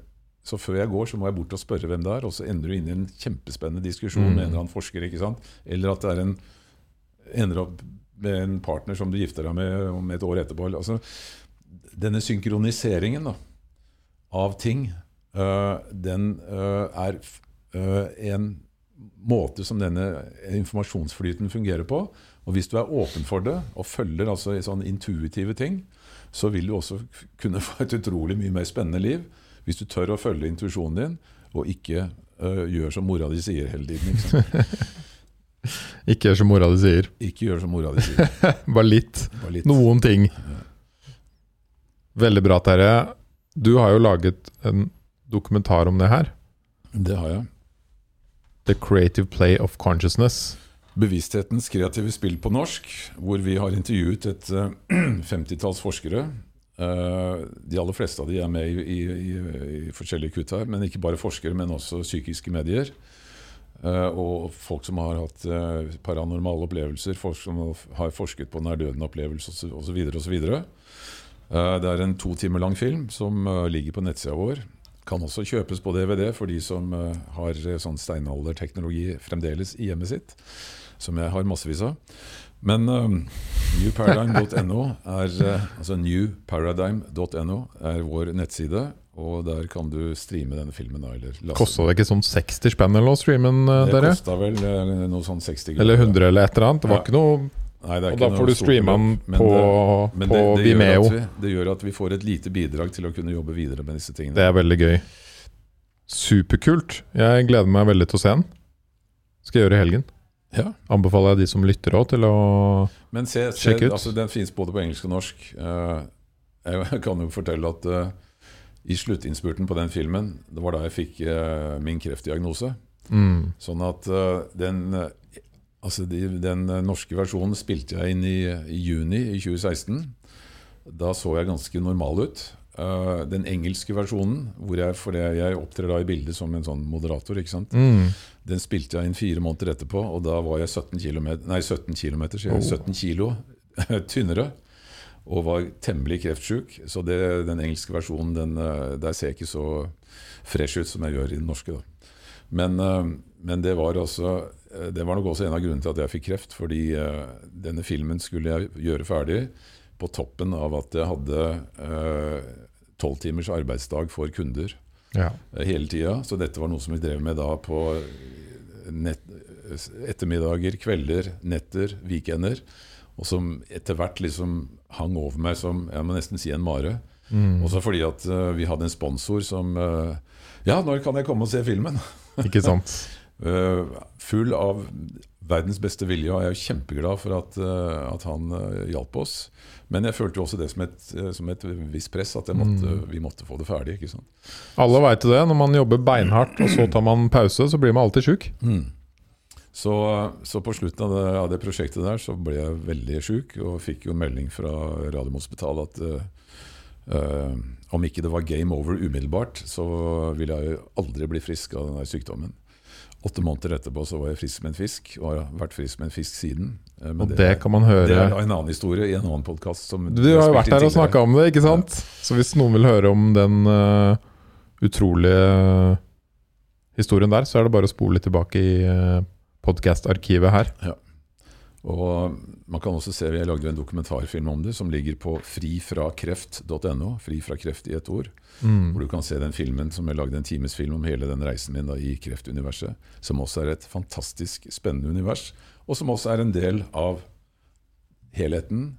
Kreft er også en del av helheten. Brutalt, eh, men altså, folk som har gjennomlevd kreft, kommer alltid ut i den andre enden. Litt klokere, litt mer innsiktsfull, litt mer eh, til stede, litt mer kjærlighetsfullt. Ser, ser større verdier i de små tingene i hverdagen fordi man har sett døden i hvitøyet og kommet Mm. levende ut av det. Så kreft er også en eh, måte å oppleve verden på som er utrolig fascinerende. Mm. Faktisk. Spennende. Tusen takk for at du kom hit og delte alle disse fascinerende tankene og forskning og alt mulig eh, du har oppe i toppen der, eh, Terje. Jeg må understreke igjen at jeg er ingen forsker, ingen medisiner, ingen astrofysiker eller kvantefysiker. Det er ikke jeg heller. Jeg har bare uh, vært så heldig og truffet veldig mange som har Ja. fortalt meg ting. For, fordi jeg har intervjuet dem i forbindelse med en film. Og jeg har også lest uh, noen hyllemeter med bøker om dette her. Uh, Men du er dokumentarskaper, og du er jo en, eh, en slags hub av informasjon. Ja, men altså jeg har, det er jo primært overflateinformasjon, og jeg Yes. elsker jo å prate om det. Som sagt, Hvis du putter på ei krone, så kan jeg snakke i mange timer. Men uh, Til fortvilelse for mange, spesielt i min nære familie. Men, uh, men uh, jeg syns det er så fascinerende, og jeg slutter aldri å begeistre meg over hvor utrolig fascinerende livet er. Og vi lever i et vanvittig mysterium som vi bare så vidt liksom har begynt å pirke i overflaten av. Mm. Og det gjør at jeg syns det er dritgøy å stå opp hver eneste morgen. For å si det enkelt. Herlig. Helt topp måte å avslutte denne episoden på. Tusen takk, alle dere som lytter. Sjekk ut eh, dokumentaren til eh, Terje. Og abonner gjerne på podkasten hvis dere liker det dere hører. Så takker vi for i dag. Tusen takk skal du ha, Henning. Dette har vært eh, en eh, stor opplevelse å få lov til å prate om disse tingene uten å bli avbrutt i det hele tatt. Det er ikke så sjelden. Det er ikke så ofte, mener jeg, at jeg får lov til. Så takk skal du ha.